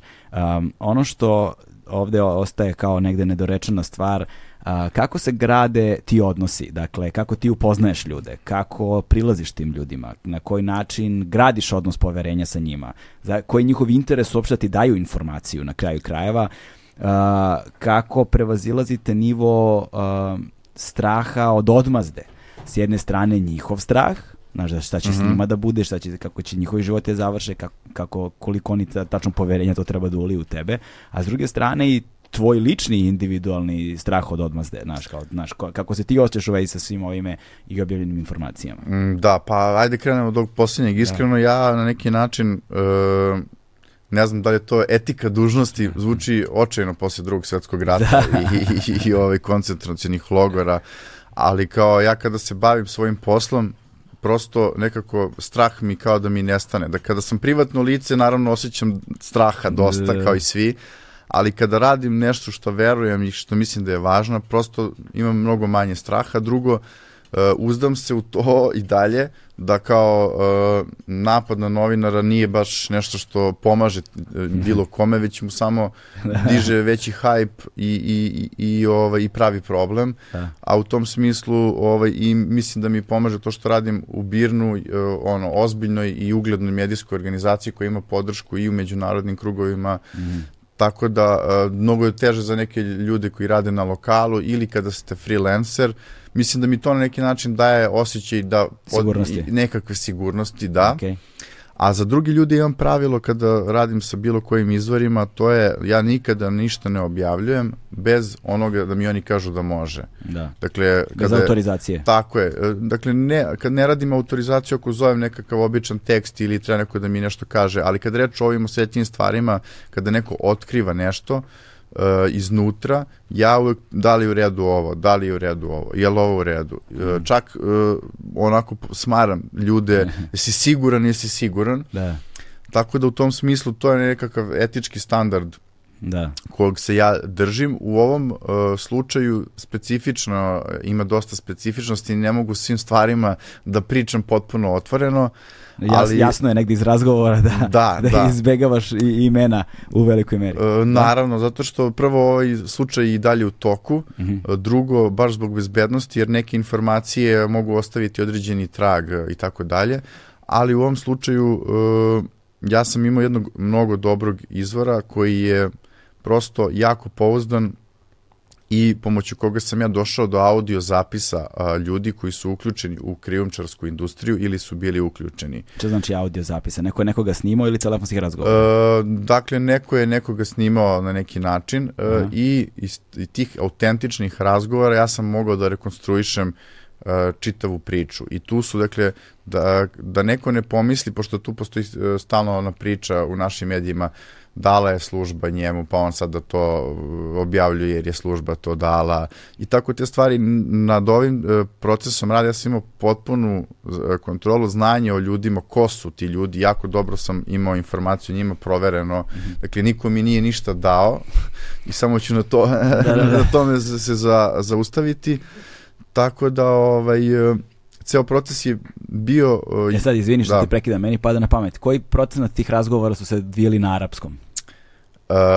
Na arapskom uh, mali broj razgovora se odvija Kako nađeš prevodioca kome veruješ? Uh, ti, uh, uh, pa uh, da, uh, nađem, za te male razgovore nađem prevodioca i to je teško, vratit ćemo se na, na, na to pitanje, ali većina ljudi su pričali ili na srpskom ili na engleskom. Okay. Uh, ti, oni su dugo ovdje i već znaju srpski, uh, nije baš idealan, ali ga znaju. Tako da, da, da. bilo je to slušanje, ovaj, počeo sam da pričam na tim on, pigeon srpskom, što bi se reklo.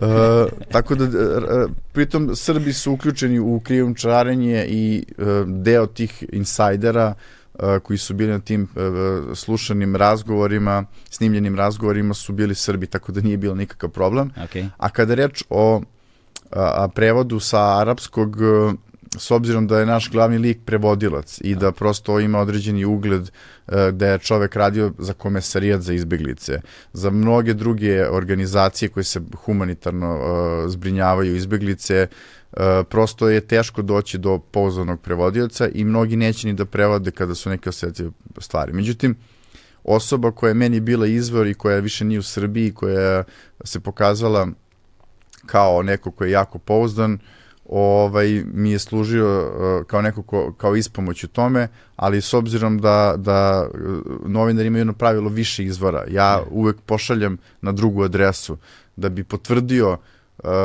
šta se, da li se poklapa to što, da. što mi ljudi ovaj, kažu da tu piše, tako da s te strane ovaj, nije bilo problema i ovaj, to su obično prepiske, dakle napisane korespondencije do koje sam ja došao, print screenovi i tako dalje, tako da to je crno na belo, može se lako proveriti da, da, li, da li je to ovaj, autentično. autentično e, to, je, to je zanimljivo, vidiš, to pravilo, na primjer, postojalo je nekada, ne znam koliko se danas praktikuje među vama redkima, da, da. ali da. u javnosti generalno ne, mm. sa ono novinarima, amaterima, nazovimo ih tako, preko društvenih mreža, da. to je sve ostalo, otišlo dođevola i sa ovaj, tom kulturom ono znaš uh, od cancelovanja pa nadalje mm. znaš se, se pretvorilo onu razjerenu gomilu koja se samo gomila na ne, na određene teme ali ranije je postojalo pravilo tri izvora tri, neza, tri nezavisna, tri nezavisna, nezavisna kredibilna izvora. Da. Dakle, koji bi trebalo čak i kao izvori da budu navedeni imenom i prezimenom mm. da bi bili mm. kredibilni, da bi neka reportaža, neka informacija da, da. uopšte mogla da ode u javan prostor. Mm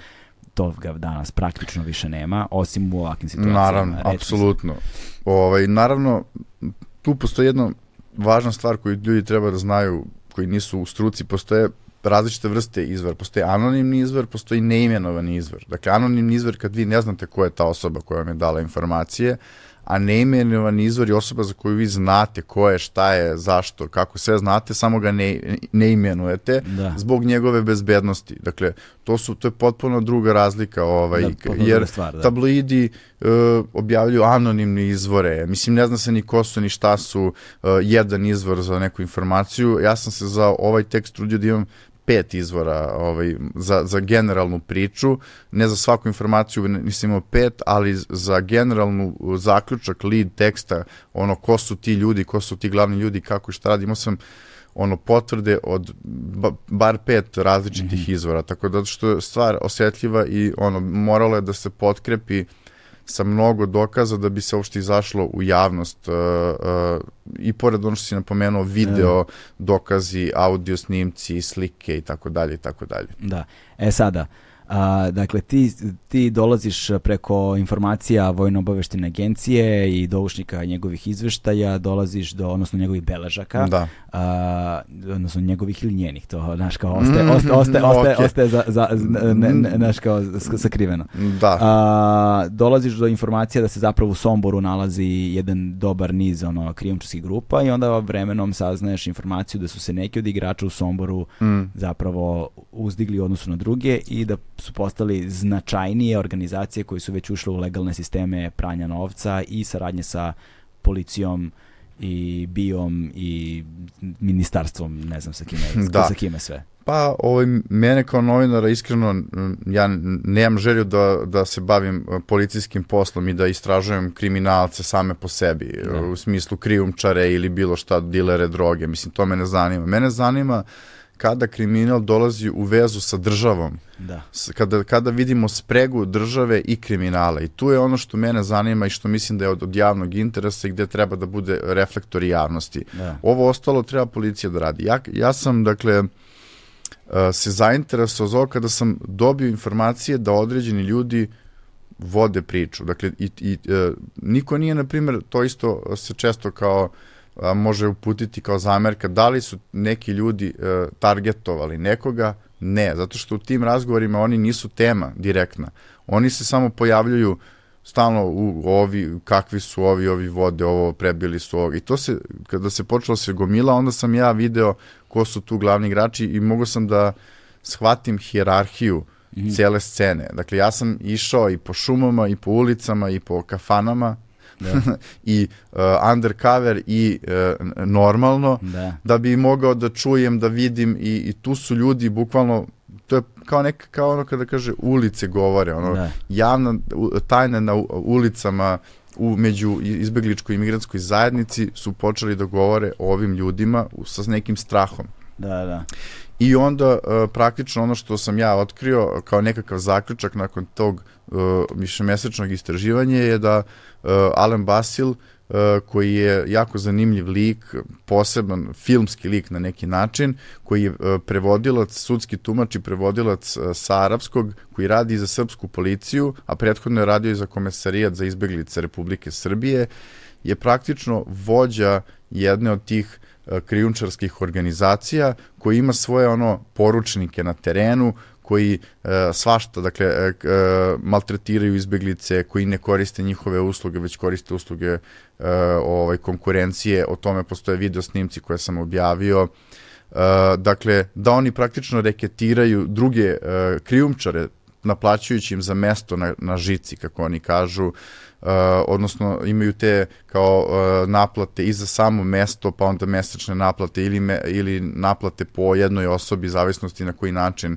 se krijumčarenje obavlja. I onda sam shvatio, uh, došao do dokaza da taj čovek koji praktično radi sa policijom i državom je vođa te grupe. I ono što je najsuludije mi je bilo u celoj toj priči, da taj čovek, a to postoje brojna svedočenja, čak sam došao i do nekih svežih ovaj podataka, da taj čovjek ide sa policijom i kada neko neće da mu plati ili u sukobu sa njegovom ekipom, postavlja, podmeće uh, pištolje, oružje uh, u kuću. Dok ide sa policijom, dakle, upadaju u, u stan kao pretres, hapšenje i on podmeće oružje Uh, kako bi namestio tog čoveka. I to se ponavljalo, znači ja sam čuo te stvari, primere iz nebrojeno izvora da se to ponavlja, da je to nekakav modus operandi. Bilo mi je suludo da neko pod okriljem policije može to da radi. Mislim, to na filmovima samo ovaj, da gledate ova, a, baš sam, dok sam radio na ovoj priči, gledao sam u seriju We Own the City, što koja je radio David Simon, što je radio Žicu, Aha, da, da. i bavi se baš ono tim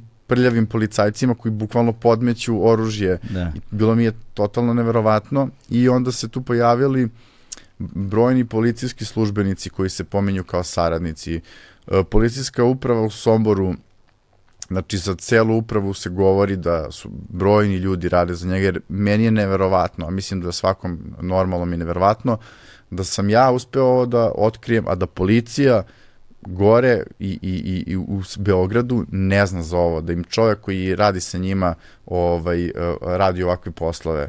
Da. Tako da, uh, jedan policajac koji uh, se pokazao kao njegov najveći zaštitnik sa najvećim autoritetom je neko koga uh, ću, sam kodnim imenom nazvao Major Deki i neću govoriti više o njegovom identitetu ovaj, zato što u ovom momentu nema potrebe, svi znaju ko je on u policiji, uh, tokom istraživanja sam zakucao na mnoga vrata unutar policijskog sistema uh, i, ovaj, i ja se nadam da će oni to među sobom rešiti, ja svakako nastavljam da istražujem, tako da, da ono, biće, ako ne budu reagovali, mislim, ja sam tu da ovaj, probam. E sad, e sad, e sad tu se sad otvara niz, niz pitanja. Pr prevashodno ti konkretni primjeri. Šta znači mesto na žici?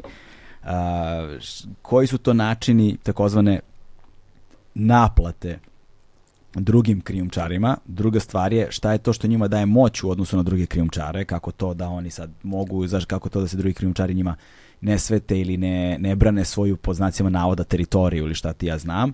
Ovaj, i, i, I u svemu tome, uh, naš, da li to znači da je u pitanju taj, kako si rekao se zove, Uh, Alen Basil. Da, da li, je, da li to znači da je, da je on započeo kao ono normalno, legalno, ne, naš, u nekom trenutku i da je vremenom ono kao filmski zastranio i ušao sve dublje dublje zapravo u ilegalne tokove. Da, pa uh, ajde da krenemo od srednjeg pitanja, da. to je kako oni i drugi krijumčari se ne bune. Bune se ti drugi krijumčari, ovaj, dolazi do sukoba, kao što smo videli sada u četvrtak gde je bilo pucnjava i ubadanje nožem u uh, Somboru u kampu, u migranskom kampu. Mm -hmm. uh, ali baš ovo što sam rekao, policijska zaštita pruža uh, kredibilitet ovoj grupi.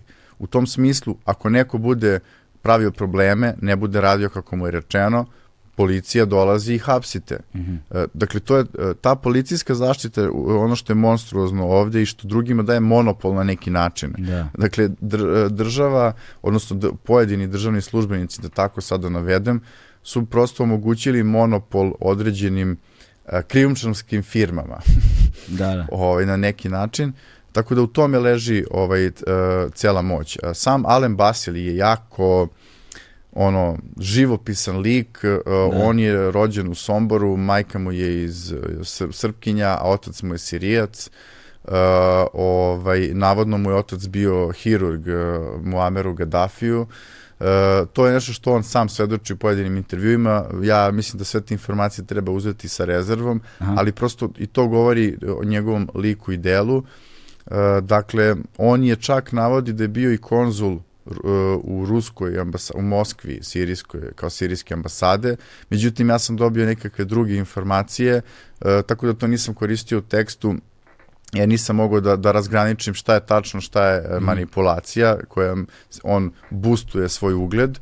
Ovaj, I taj čovek je poznati kao o, o, ugostitelj. Dakle, on imao mnoge firme koje se bave ugostiteljstvom u, u Novom Sadu, Uh, on je uh, Baba Ganuš restoran koji se 2016. reklamirao na sva zvona kao novi restoran u Novom Sadu. Uh, on ga je vodio u Beogradu isto takođe imao neke lokale. Uh, dakle, uh, on je prosto gradio dugo godina nekakav imidž domaćeg Sirica da. koji pomaže tim ljudima i koji ima veze na Bliskom istoku. On se predstavljaju kao neko ko je lobista za arapske investicije i, i jedna stvar koja me isto jako začudila kada sam kopao ovaj, kroz arhivu o tom čoveku, a to je da je Srbija, vlada Srbije, tadašnji ministar prirode Željko Sertić i predsednik opštine Bečej Vuk Divojević da su potpisali memorandum o razumevanju sa firmom čiji je on bio vlasnik 25% i nekim kuvajtskim investitorima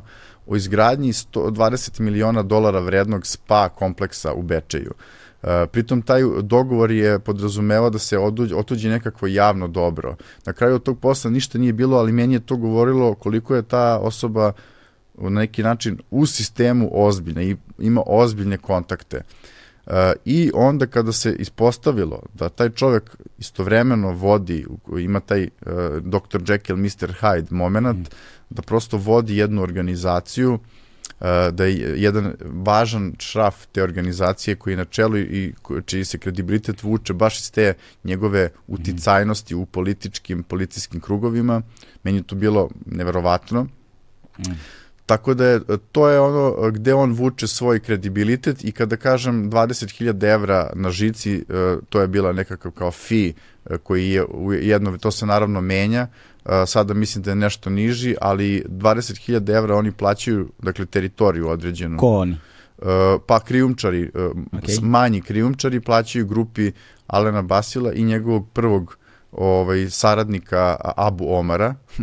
ovaj tako da su oni praktično plaćaju E, njima novac da bi imali određeno mesto. Na primer u Riđici ili e, gore između e, Riđice, to je mesto na samom, iznad Sombora na, na severu blizu mađarske granice i vi dobijete jednu teritoriju gde možete da operišete, gde imate, ne znam, nekakav skvot, gde imate svoje ljude i kuda ćete prebacivati. Naravno, tu su se dešavali razni problemi s obzirom da je grupa ovaj, želela mnogo više novca, pa su za jedno mesto više ljudi platili novac i onda je dolazilo do sukoba. Na snimku jednom koji sam objavio vidi se kako Alen i Abu Omar se raspravljaju sa nekim drugim krijumčarem o tome ko je nosio oružje, pištolje na njihovoj teritoriji i ko je prekršio dogovor, tako da to su ono jako ozbiljne priče gde su uključeni ono oružje uključeno. Da. A reci mi, ovaj, da li oni na taj način pružaju garancije o prelasku ili ne? Ili samo kao mesto? Ne, ne, ne, ovo je, dakle, uh, ovo je njihov interni uh, dogovor. Da. A, a ovo, šta će oni, dogovor sa samim uh, klijentima, da ih tako nazovem, izbeglicama koji žele da pređu, to je na njima između uh, samih krijumčara i tih njihovih ovaj, klijenata. Da. To je poseban dogovor. Zanimljiv je jezik koji koriste zapravo, kako šifruju sve što se dešava tamo. Koja je otprilike neki mali rečnik? Ono... Da, pa recimo za, za, ovaj, e, kako, za izbjeglice koji hoće pređu granicu koriste roba. Dakle, u tim internim razgovorima i prepiskama kažu imam robe ovaj, trebaju mi vozila ili pivo, dakle to su neki termini koji, koji koriste. Uh, čistač, to je ovo što sam ti rekao na početku, osoba koja ide vozilom ispred grupe i onda pokušava da, mm. uh, da, da, da prosto da javi šta se dešava. Onda imaš logističara koji vodi grupu na terenu, vodič koji javlja, praktično, koji zna kuda treba da se kreću, da bi prošli sve punktove, da ih niko ne opazi. Tako da tu ima raznih nekih Ko su vodiči? Pa to su ti ljudi... Mislim, mislim kao, ko, da. ko, ko, su konkretno ti ljudi, ono, čime se oni bave kad znaju to sve, ono? Pa, mnogo su dugo tu, ovaj, i, i, u šumi i prosto znaju uh, gde i šta i kako i s obzirom da ta mreža radi i u, van granica Srbije, dakle, uh, pojedini imaju vozače u Mađarskoj koji preuzimaju uh, robu da. i onda ih voze dalje u Evropsku uniju Tako da je to razrađena, razrađena šema. Da, da, da. da. A, a kako, be, ka, šta je game? Game, da. To je termin koji možda ljudi su čuli za njega, možda ne znaju šta znači. Game je prosto taj pokušaj prelaska granice. Kada uh, izbjeglice kažu idemo na game, to znači da oni idu na taj pokušaj da pređu granicu, to je jedno veče ili kada god uh, to bilo. Uh, I to vuče naravno koren iz i game kao igrica na engleskom, da. gde oni praktično kao u igrici pokušavaju da pređu nekakve prepreke da bi stigli do nekog svog cilja, što još dodatno da, daje ono monstruoznost, monstruoznost i, i, i ludilo i kao neku hipokriziju koju mi se vreme, ono, novo govor i hipokrizija koja je bukvalno ono citoplazmu koju mi mi živimo ne, trenutno. To totalno orvelovska, da, totalno da, da, da. orvelovski scenarijo je. Apsolutno. Ovaj, znaš, šta se dešava uh, ukoliko, da li je bilo slučajeva, da li za koje zabeleženih ili za koje ti znaš ovaj, kada neki dogovori možda nisu ispoštovani znaš, na, za, da nešto nije plaćeno ili znaš, na koji način oni uh, potvrđuju svoj autoritet, da li postoje elementi zastrašivanja, da li postoje elementi sukobljavanja, a, da li postoje elementi primoravanja s druge strane, jer kao, ok, onaš, možda oni, ajde sada nekako, kako, kako god, da stavimo po strani, možda tu krijumčarsku mrežu i, kaž, i sad recimo ti i ja smo, na primjer, izbeglice, idemo i kažem sebi, brate, neću da ono, plaćam mm. njima, neću idem ja sam, naš. Da li postoje možda elementi primoravanja da ti zapravo nemaš opciju, nego ili radiš preko njih ili ne radiš ništa? Da, a, apsolutno.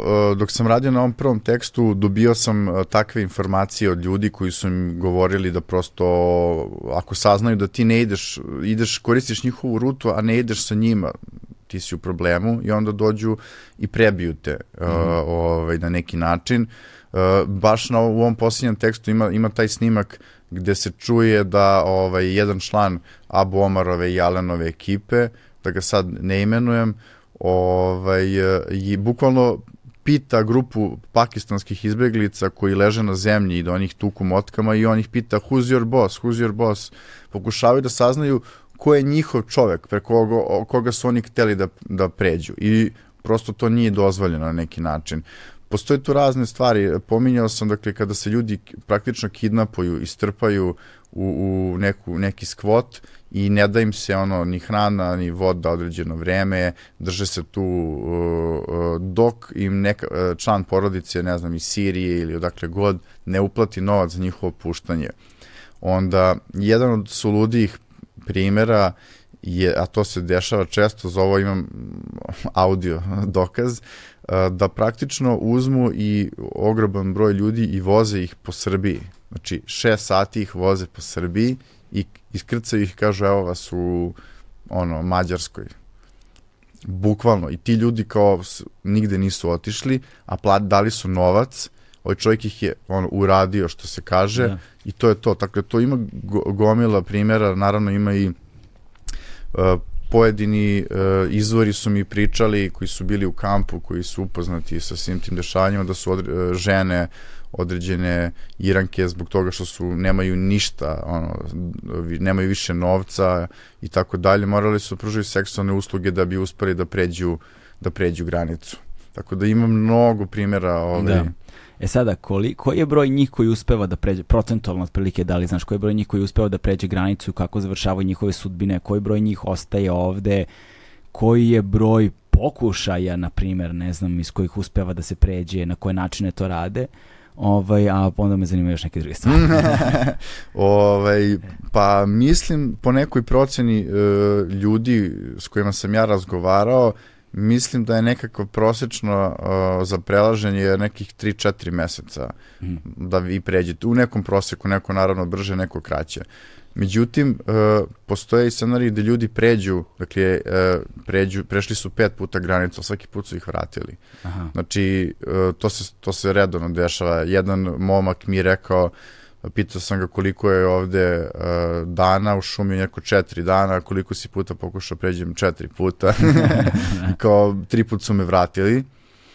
Tako da to je neki ono prosečan, uh, otprilike koliko, mm. ovaj, ali to je mislim jako teško kvanti, kvantifikovati da, i da. empirijski da. utvrditi, ovaj, ali vidimo da s obzirom da tvrđava Evropa sve više zatvara taj, uh, taj bedem i da propušta samo ovim putevima, uh, mnogi su prosto odlučili a dok, dok ne, ne pređu da uđu u kriminal mm -hmm. i da prosto servisiraju taj put drugima, a za to vreme su ovde i, i bilduju svoju mrežu i prosto kao što i u zapadnoj Evropi ranije tokom mnogih talasa dolaska ovaj, u zapadnu Evropu, centralnu Evropu, uh, iz uh, Afrike, Bliskog istoka, ovaj, postkolonijalni i kolonijalnih država koje su odlazile uh, tamo gde su im rekli da je prelepo. Ne. Ovaj, vidimo da tamo se stva, da su se tamo stvorile i ozbiljne kriminalne organizacije, neki od njih koje su u Srbiji su povezane sa njima u Evropi čak. Tako da to je nekakav svet koji prošle mnogo godina i to postaje nekakva normalnost. I mislim da i ovo jesu nekakav pionirski pokušaj da se taj svet osvetli da. i da se tu oni sagledaju u nekoj realnosti, a ne kao ovaj, ima, imaginarijum i jednih i drugih, e, sa leve i sa desne strane. Koji su, da kažemo, uslovno rečeno, cenovnici? Koliko jednu osobu uh, uh, košta da zapravo proba da pređe granicu? Da. Šta, šta je to, šta se, šta se to sve plaća, kako se plaća, koliko se plaća? Mm. Pa, uh, cena za koju ja znam uh, koja se plaćala u, u ovaj toj banci kancelariji u Mesopotamiji je 3.500 evra. To je Havala. Havala, tako da. je. Dakle, tu su ostavljali tri, po 3.500 evra da bi prešli granicu. I tu je, dakle, e, zanimljivo da oni ne gube taj novac. To je, to je dobar, do prednost Havala sistema kada idete preko Havale, a ne kada dajete ovako na ruke novac mm -hmm. i mhm. tako dalje.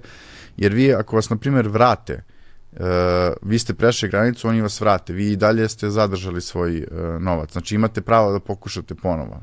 Da, da, da. I u tom smislu uh, za, za taj novac vi dobijate, ne znam, dakle da su vas smestili negde, da, da boravite, da vas oni čuvaju, da eventualno ono, Uh, ne znam, dobijete nekakvu, nekakvu ovaj, hranu i vodu, ali, ali većinom to izbeglice same moraju da finansiraju i tu je jedna stvar koju bi voleo da napomenem, jer se tu stvara mnogo ovaj, mistifikacija u javnosti, to je da su oni bogati, imaju pare i tako dalje. Mnogi izbeglice su meni objasnili, s obzirom da, na primjer, na Bliskom istoku zlato, imovina, kuća i tako to, ili, ili stoka su važan kapital, s obzirom da sve ostalo je jako nestabilno i da ti ljudi, i zašto idu muškarci, na primjer? Idu ne. zato što po, jedno, recimo, porodica uh, ne može da se finansira da svi odu. Oni izaberu prosto uh, uh, jednog muškarca, koji je obično mlađi muškarac, prodaju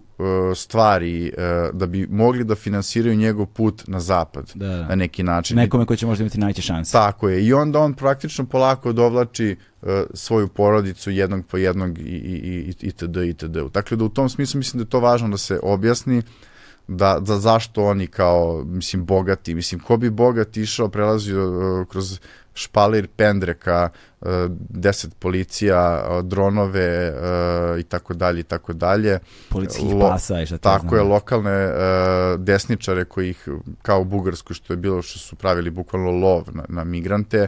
Dakle, niko da spava na ulici prljav nikakav, mislim, niko to sebi ne želi i pritom da bude u riziku da ga drugi kriminalci, pošto je to ono čovek je čoveku vuk na neki da. način, svi gledaju jedne druge da iskoriste. Zašto bi to neko sebi priređivao ako je bogat? Mislim, da. može sedne na avion i da ode. Bez dokumenta, bez ičega, da što. Strašno. Tako da, to, cenovnik je 3.500, ali međutim on varira uh, zavisnosti od kvaliteta i ozbiljnosti krijumčarske mreže, može da ide uh, ispod toga, mm. odnosno ako vam treba, ne znam, samo za je, jedan segment, ako imate za jedan segment da platite, onda platite manje, uh, Ako krećete ranije, va, pre Srbije, uh, platite, na primjer u Turskoj sam čuo uh, da je jedan momak u Havala sistemu na jednoj pijaci ostavio 7000 evra i onda je ono nastavio put i za tih 7000 će ga servisirati u svim zemljama, dakle članovi te krijumčarske grupe, dok on ne, ne dođe na svoje odredište.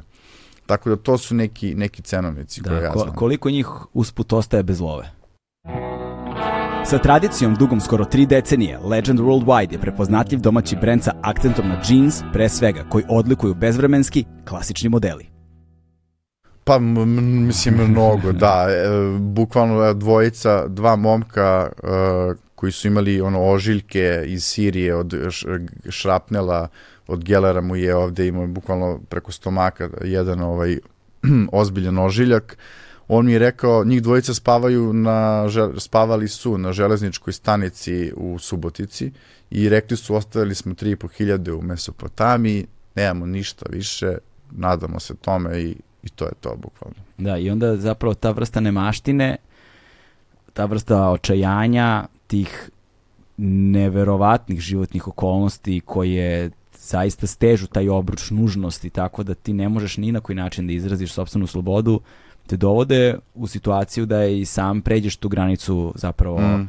znaš, verovatno to, ne znam, sad ja ono pogađam, pretpostavljam, znaš, to verovatno počinje sa nekim sitnijim stvarima gde ti za, ne, za, ne, za neku sitniju nadoknadu ili nekakav kredibilitet ili možda hranu i smešta mm. i pomažeš, razumeš, u tom krijumčanskom ringu i u prstenu je vjerojatno uvlače. Koliko ceniš da je veliki taj krijumčarski prsten, koliko ljudi to broji, koliko je velika ta njihova organizacija, koji procenat toga su, kako, kako, kako si ti samo otkrio, te, a, korumpirani pripadnici policije i bije bezbednostne informativne agencije i tako dalje. Mm, da, ovo što si pomenuo, da, mnogi, na primjer, nemaju novce i rade za njih, da bi uh, ih ovi prebacili preko. Dakle, ili uvlače druge ljude, uh, kao traže klijente za, za mm -hmm. ovu organizaciju, ili obavljaju nekakve druge, druge poslove. Uh, ta scena je sada već jako velika. Da. Dakle, grupa o kojoj sam ja pisao sada nije jedina grupa, ona je samo naj, nekako moćnija i sa najdubljim vezama mm. u državi, međutim postoje i druge organizacije uh, za koje ja trenutno nemam uh, toliko dokaza kao za ovo i, i koji nisu toliko uh, možda jaki, ali postoji ih nekoliko koje su koje mogu da pariraju mm. o, ovoj organizaciji i oni se često se dele po etničkim etničkom ključu. Dakle Marokanci na primer su jedna jako ozbiljna e, i surova ovaj ekipa. A, Sirijac ima različitih, Afganistanac i tako dalje i tako dalje, ali uh, teško je ono penetrirati u, u čitav taj svet, ali uh, i, i reći sad koliko je njih tačno, jer neki imaju one fluktuirajuće uloge.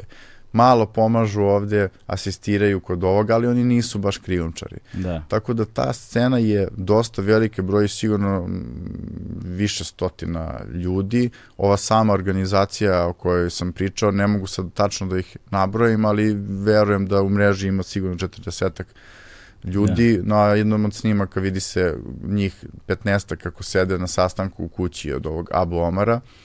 Imam još dosta materijala koje nisam objavio da. sa njihovim licima i slikama, zajedničkim snimcima, ali njih ima dosta tih organizacija, oni imaju već svoja mesta. Mislim, to je, kažem vam, to je ovaj u, u tim gradovima na severu na severu oni su prosto ovaj tamo normalno se kreću i žive i naravno nisu oni svi krijumčari, ali kao uh, krijumčari su ti koji izgledaju malo bolje, uh, ozbiljniji i tako dalje.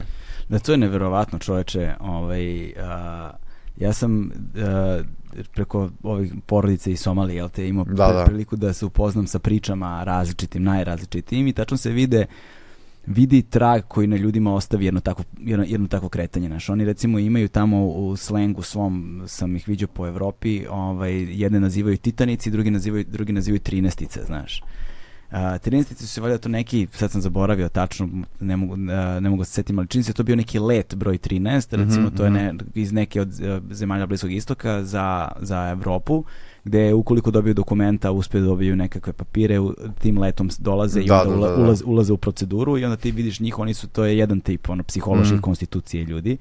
A onda imaju ove titanike, titanici su uh, ovi koji idu peške, jel te dolaze Mhm. do recimo uh, crv, Crvenog mora i, do, to, do, dok te, i onda prelaze, i onda noću idu čamcima i brodovima do pograničnog dela, da li je vamo sa Saudi Arabijom, što ja znam tamo, znači poluostrva gore, Mm. arabijskog i onda dolaze tu i onda plivaju noću taj centralni deo, jel te, mora preko granice, da ih onda s čamcima dočekuju na drugoj strani i, o- i onda odatle preko, jel te, bliskog ishoda idu peške ka Evropi. Da, show program. Znači, i njih zovu pa i za titanici, razumiješ, što ogroman Da, da, broj da. njih zapravo ne preživi taj deo puta. Naravno. Što je ono, znaš, i njih kada Ludilo. vidiš, kad upoznaš tu grupu, to, Mm. su, to su ljudi koji su toliko toga preživjeli na putu da Mm. ti, znaš, vidiš život koji je ostavio traga na licu. Naravno, vidiš u očima bukvalno ono Da. svetove, ono živote koji su Znaš, koji ali su vidiš tim i, očima. vidiš i koliko je toga izgubljeno. Znaš, vidiš, Naravno. vidiš koliko je toga ostalo nepovratno negde Mm. i da su to ljudi koji ne znam šta treba da se desi u tom nekom ono vita nova, jel te, novom životu da se oni rehabilituju. Znaš, da, se Da. oni da se oni resocijalizuju, znaš, da oni prođu nekakav adekvatan sistem a, a, zbrinjavanja, socijalnog zbrinjavanja, a, zdravstvenog zbrinjavanja, Mm. a, re- re- rešavanja trauma, to su verovatno ono višestruke traume i koje su ko koliko puta retraumatizovani, Da, jel da. te? I onda nas kraju svega toga treba da nauče jezik i kulturu koja im je strana i daleka.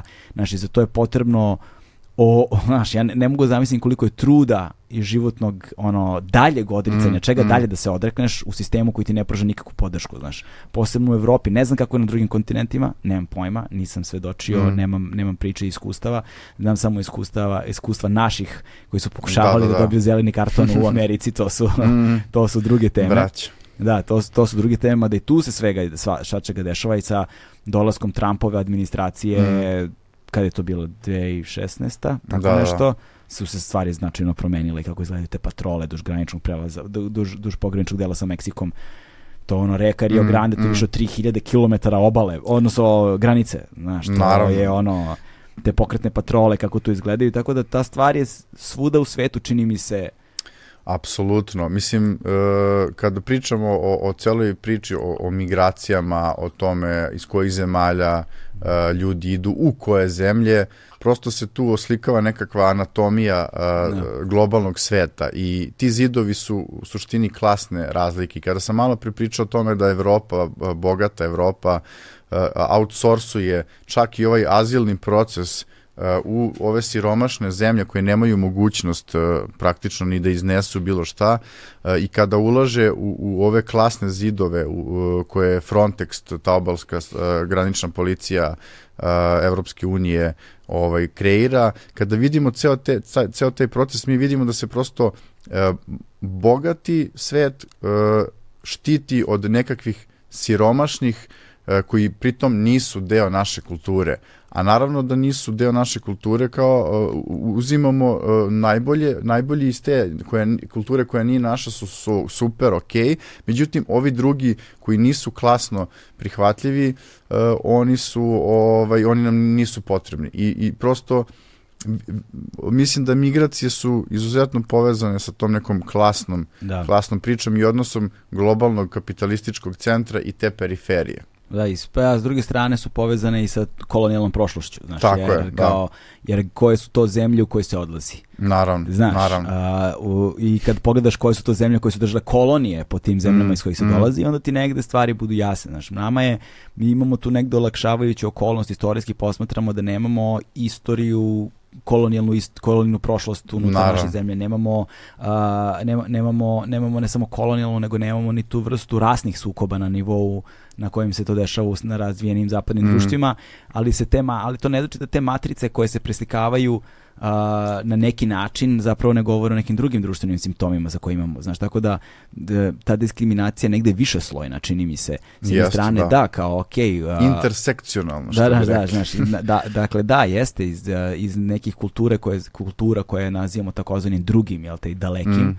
Ovaj, ti ukoliko imaš određen stepen obrazovanja, određen stepen finansijske nezavisnosti i šta ti ja znam, određeni stepen kako bi to uh, ono uh, uh, uh, diskriminaciono nazvali um, uh, dakle uh, uh, civilizacijskih jel te ono da, da, normi da. koje su postavljene razumeš kao evropski po znacima navoda Mhm. opet standard a, ti možeš da dođeš do jedne tačke napredovanja u društvu, da li ne znam, francuskom, nemačkom, Mhm. britanskom, tek da ne govorimo o Belgiji i tako dalje.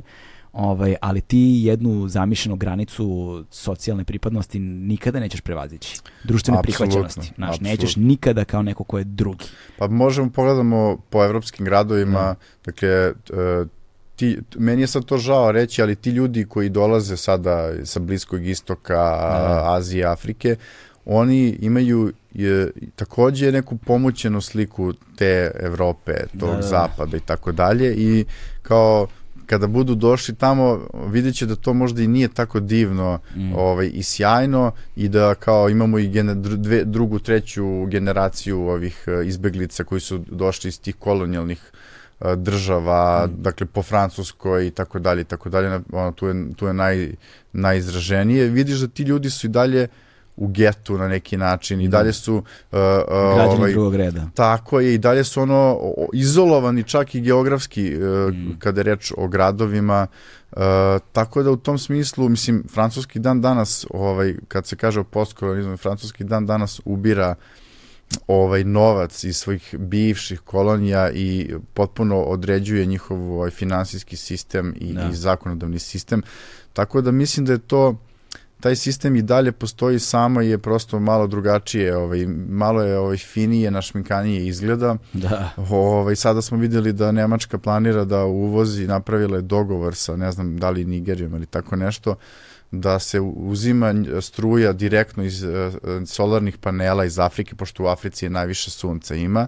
Sada će to za određenu nadoknadu, naravno, da to ide u Evropi koja mora da se sada, e, pogotovo u sukobu sa Rusijom, mora da postane Mm. energetski nezavis. Tako da tu i dalje vidimo taj odnos gospodara i roba i koji nije prestao do dan danas. Pa da, u velikoj meri i ovaj onda se takvi i onda se u tim ono e, raslojavanjima klasnim i, i kulturološkim i društvenim na kraju krajeva a, kreiraju kroz generacije ti građani koji ne pripadaju. Mm. Znaš, ti sad imaš, to se desilo u Americi, recimo se baš sa Trumpovom administracijom kada su deportovali nazad, to se dešava, dešava u Francuskoj, to se dešava, znaš, kao da imaš ljude koji su rođeni u jednoj zemlji, Da. koji su odrasli u toj zemlji, a, o, otac i majka su im iz te zemlje, a, baba i deda su im bili recimo prva, prvi migranti koji su ne znam došli u Francusku ili gde, gde god.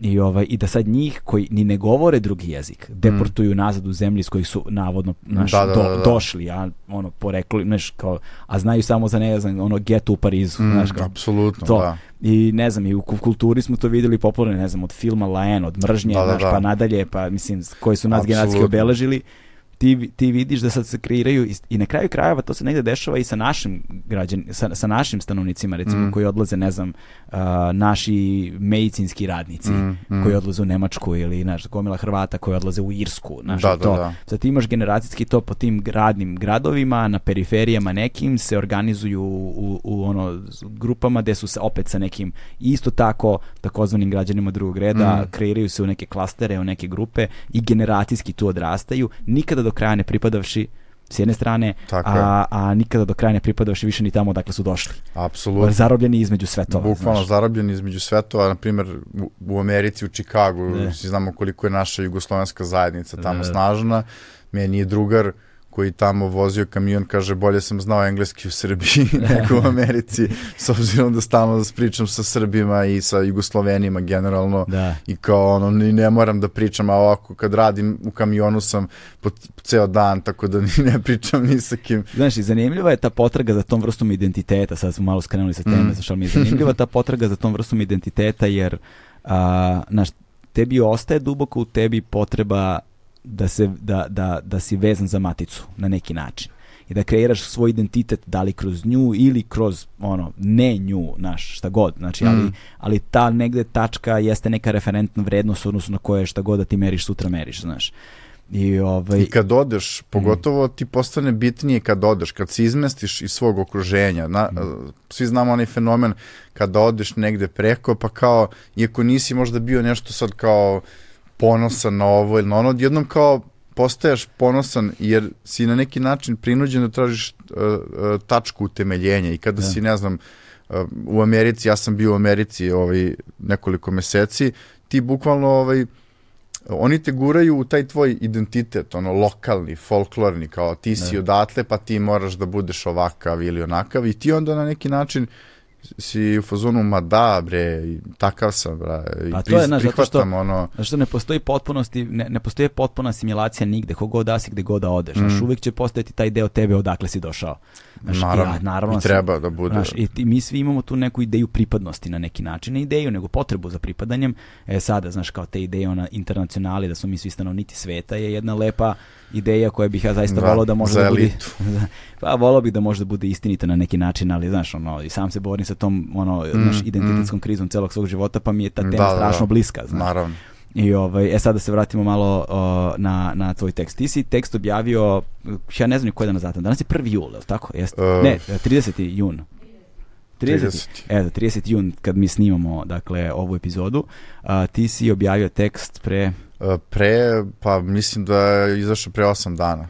8 dana već, Da. a? E, okej. E, reci mi sada ka, koje su e, prvobitne reakcije i kakve su posljedice bile zapravo na taj tekst? Jer ti si tom tekstu izneo kao što si sad pričao, puno stvari koje e, imena i prezimena Da. i dodatnih likova i spregu između države i krijumčara, jel te, koja ranije nije bila osvedo, posvedo, obelodanjena, da, Da. kažemo, naš. I Pa, pazi, koja je procedura prvo bila za objavljivanje teksta? To je sad vrlo zanimljivo meni, onako kao sa profesionalne Da, strane. da, Ti da. sad dolaziš svom uredniku sa pričom, jel te, i Da. kako to izgleda? Pa ništa, ja dolazi sa pričom ovaj, i kao on prosto u, fazonu šok. Prvo je kao i njemu bilo kao šta se to dešava, ali kao da, apsolutno, imao sam potpunu podršku svoje ovaj redakcije i ovaj ali kao da, kada sam ja došao do nečega što je za objavljivanje, kada sam sad napravio tekst, uh, mi smo to pogledali, sredili tekst, pošto, se, pošto smo dvojezično objavili, imamo taj naš engleski sajt, Balkan Insight i Birn, Da. RS, Birn Srbija, koji je objavljuje isključivo na, na- na našem jeziku, i mi sređujemo englesku i srpsku verziju paralelno i onda se radi fact check.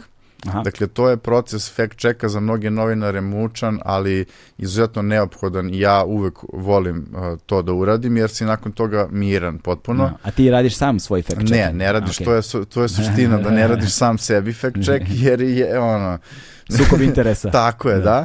E, Druga osoba koja se baš bavi fact checkom e, radi, radi taj proces i koliko on, je ljudi fact checkovalo ko- koliko ljudi je zapravo, kako bismo rekli, fact, fact checking, dakle, a, proveravanje a, informacija, dakle, potvrđivanje činjenica koje Da. si izneo u tekstu. e, dakle, dokazivanje. Sami urednici sami po sebi gledaju tekst i, i traže, za do, traže dokaze, pro, gledaju da li je nešto tačno, netačno, nelogično, vamo tamo.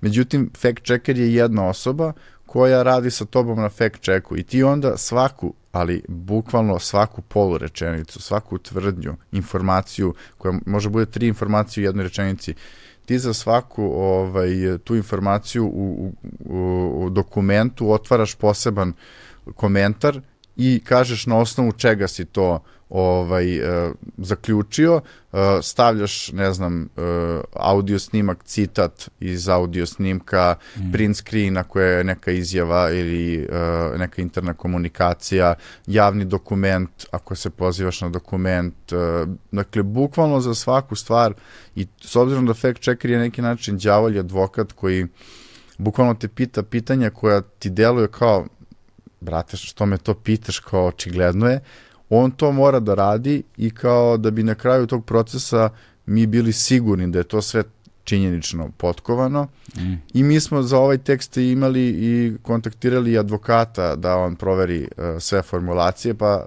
pa smo onda samo neke formulacije uh, ovaj, peglali u, u smislu koje ništa nisu menjale na tekstu, samo formulacije u suštini pravno formalno pravno da formalno da mogu da, da, da budu potpuno ono, zaokružena sa svih strana da ona bude bulletproof što bi da, se reklo. Da, da, da, da. Tako da to je to je proces ovaj ovaj rada i na objavi ovog teksta i nakon objave teksta uh, Mislim, meni je bilo jako... Samo, zan... samo što mm -hmm. stvar, koje su procedure za čuvanje informacija u tom slučaju? To me sad isto zanima. Znaš, ti kad dođeš do, do, do poverljivih informacija, a, izvora koji o, moraju mm. da ostanu neimenovani, jel te? Da. A, snimaka, zapisa bilo kakvih koji ne treba nikada da ugledaju svetlost dana, koji su da. tu u slučaju da dođe do, ne znam, sudskog mm. razrešenja nečega, ti to imaš kao, kao zaštitu, da. da.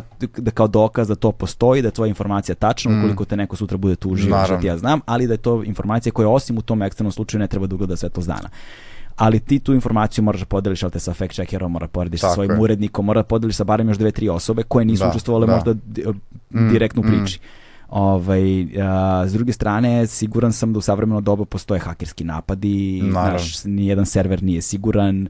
A, na koji način se čuvaju podaci? Na koji način se čuvaju svi te arhive materijala? Da, pa dobro, sad ne bih baš detaljisao da, oko da, toga, ali mislim da treba... Ili imate procedure koje su postavljene za to? Pa da, postoje određeni naši nalozi na kome mi, mi skladištimo ovaj, sve te podatke, a i ja se trudim da m, za ovakve stvari imam fizičkoj formi, odnosno da to bude za svaki slučaj na nekom ovaj, USB drive-u da može da se da, da može da postoji na negde mm. sačuvano jer uh, nikad se ne zna ovaj kao što si sam rekao da. tako da to je nekakva procedura ali mi imamo naš zvaničan taj BIRN uh, ovaj kanal gde skladištimo sve te podatke i u samom procesu fact checka to se skladišti mm. uh, na tom na tom ovaj kanalu. Tako da Dobro. da to je procedura neka. A, okay.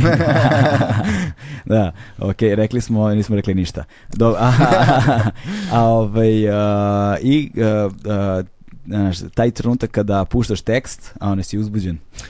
Uh, pa da, mislim da ovaj, na ovom tek, ovaj tekst baš ono uticao, ta, tačno kada, kada pre dobije u teksta uh, loše se spava, ja, da, izuzetno. Da, da i kao uvek razmišljaš da li može još ovo, može još ono i tako dalje i tako dalje. E, tako da ovaj, imao sam neku privatnu situaciju paralelno sa, ovom, ja. sa ovim tekstom, tako da u tom smislu e, ovaj rad na ovome mi je bio i beg od nečeg drugog i onda se to hranilo među da, sobom. Ali ovaj, da, mislim, pošto sam dugo radio i s obzirom da mislim da ovo stvarno jedan od istraživanja generalno u samoj, samoj branši kod nas, da je ovo možda nevezano za temu, da je ovo baš duboko otišlo da. i da nisam siguran koliko još ima tekstova koji su ušli duboko u nekakvu scenu i imali ovakav nekakav mm. ono dokazni materijal bio sam izuzetno ono da, pod, pod tenzijom ali ovaj ali kad je izašlo bukvalno mi je pao nekakav ono ne. kamen. Znam da je sve provereno, da, da su više ljudi gledali, da su svi gledali i onda sam gledao uh, reakcije. Uh, mislim, bilo mi interesantan, pošto pre objave teksta mi naravno kontaktiramo ljude. Da. Ovaj, na primjer, Alena Basila sam morao da kontaktiram. I tu mi je bilo interesantno Ti si pričao s njime telefonom. Da, da, da. Interesantno mi je kako je on reagovao na, na celu priču. Ja sam imao neke... To ono što stoji u tekstu. Jest, da, da. da. Mislim, Um, imao sam par pitanja koja su mi bili zicer ah, šta ako on govori e, da, da prosto čovek laže. Da. Ovaj, tako da pitao sam ga, mislim, za njegovog prvog saradnika, da li ga poznaje, rekao je da ga ne poznaje, a ja imam ovde snimke i fotografije njih dvojice. Da. Tako da odmah sam video da, ovaj, i onda njegovo pitanje je, ček, vi ste inspektor, a ne, ili novinar, kao, prosto da pokaže što, ko je njemu u stvari bitan i autoritet ovde. Da. Tako da tu, to mi je bilo još jedan, kada sam video uh, kako on razgovara i šta govori i da me je slagao direktno u, u razgovoru, ja više nisam imao nikakvu dilemu, znači nije šta. Da. Ova, I reakcije, kada pričamo o reakcijama, tekst uh, u Ministarstvu unutrašnjih poslova uh, nema reakcije, što je jako interesantno, dakle nismo o tome pričali do sada, ali u tekstu se govori o njegovim političkim vezama i vezama u policiji, gde meni e, nekoliko izvora govori da se taj Alen Basil hvalio svojim kontaktima sa ministrom policije Aleksandrom Vulinom ne. uh, i detaljno opisuju uh, dakle št, kako je on se slikao sa njim i kako kaže da je on njegov drugar i tako dalje i tako dalje i ja sam u tom, tim pitanjima Ministarstva unutrašnjih poslova jedno pitanje eksplicitno za ministra, to je njegove veze, da li ga poznaje, kakva je priroda veza, pored svega ostalog što sam pitao policiju vezano za ovaj slučaj, međutim, nasto, apsolutno nikakvu reakciju nisam dobio, a, a znamo da je na, narednih dana ovaj, policija izdala nekakva potpuno besmislena saopštenja za neke uh, potpuno nebitne slučajeve, Tako da mi je ovo, njihova standardna taktika ignoriši i čekaj da prođe i da se uguši u ovom informatičkom haosu i to je to. Međutim, a, a, veče a, nakon što je objavljen tekst i sutradan došlo je do o, incidenata u Somboru u kampu iz, ispred kampa između krijumčarskih organizacija. Jedno od njih je upravo ova o kojoj sam ja pisao uh, i ovaj došlo je do o, pucanja, dakle iz uh, pištolja ili kalašnjikova ili iz jednog i iz drugog. Ja im znam podatke o, i o tim ljudima i tako dalje, ali ne mogu, pošto nemam dovoljno snage da izađem u javnost i da opravdam, ali imam neke informacije o tome.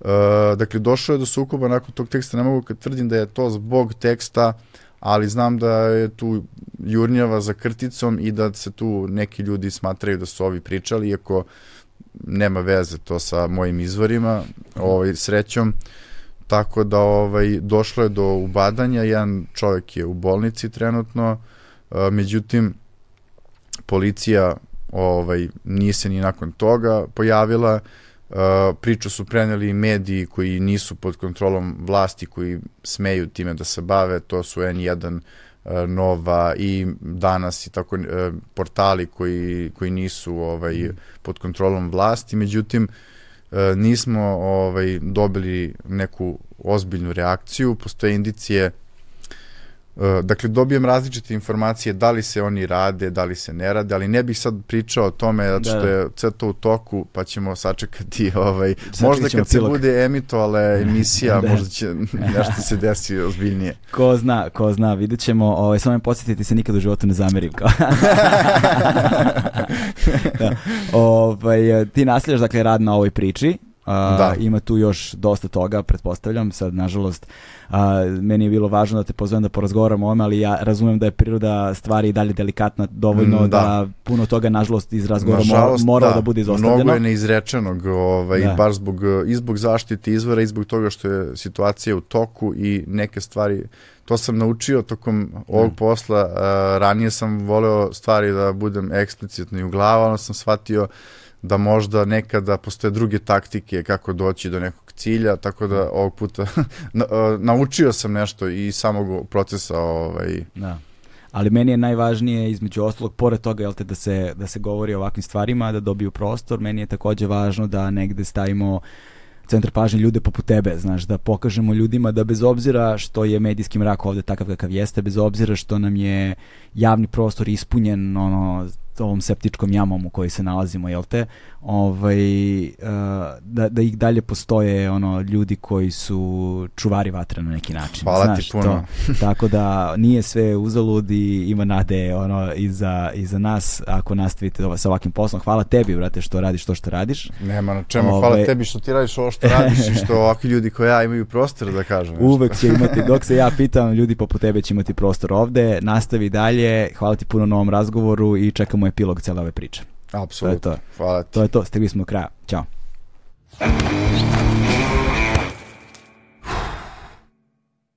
Hmm.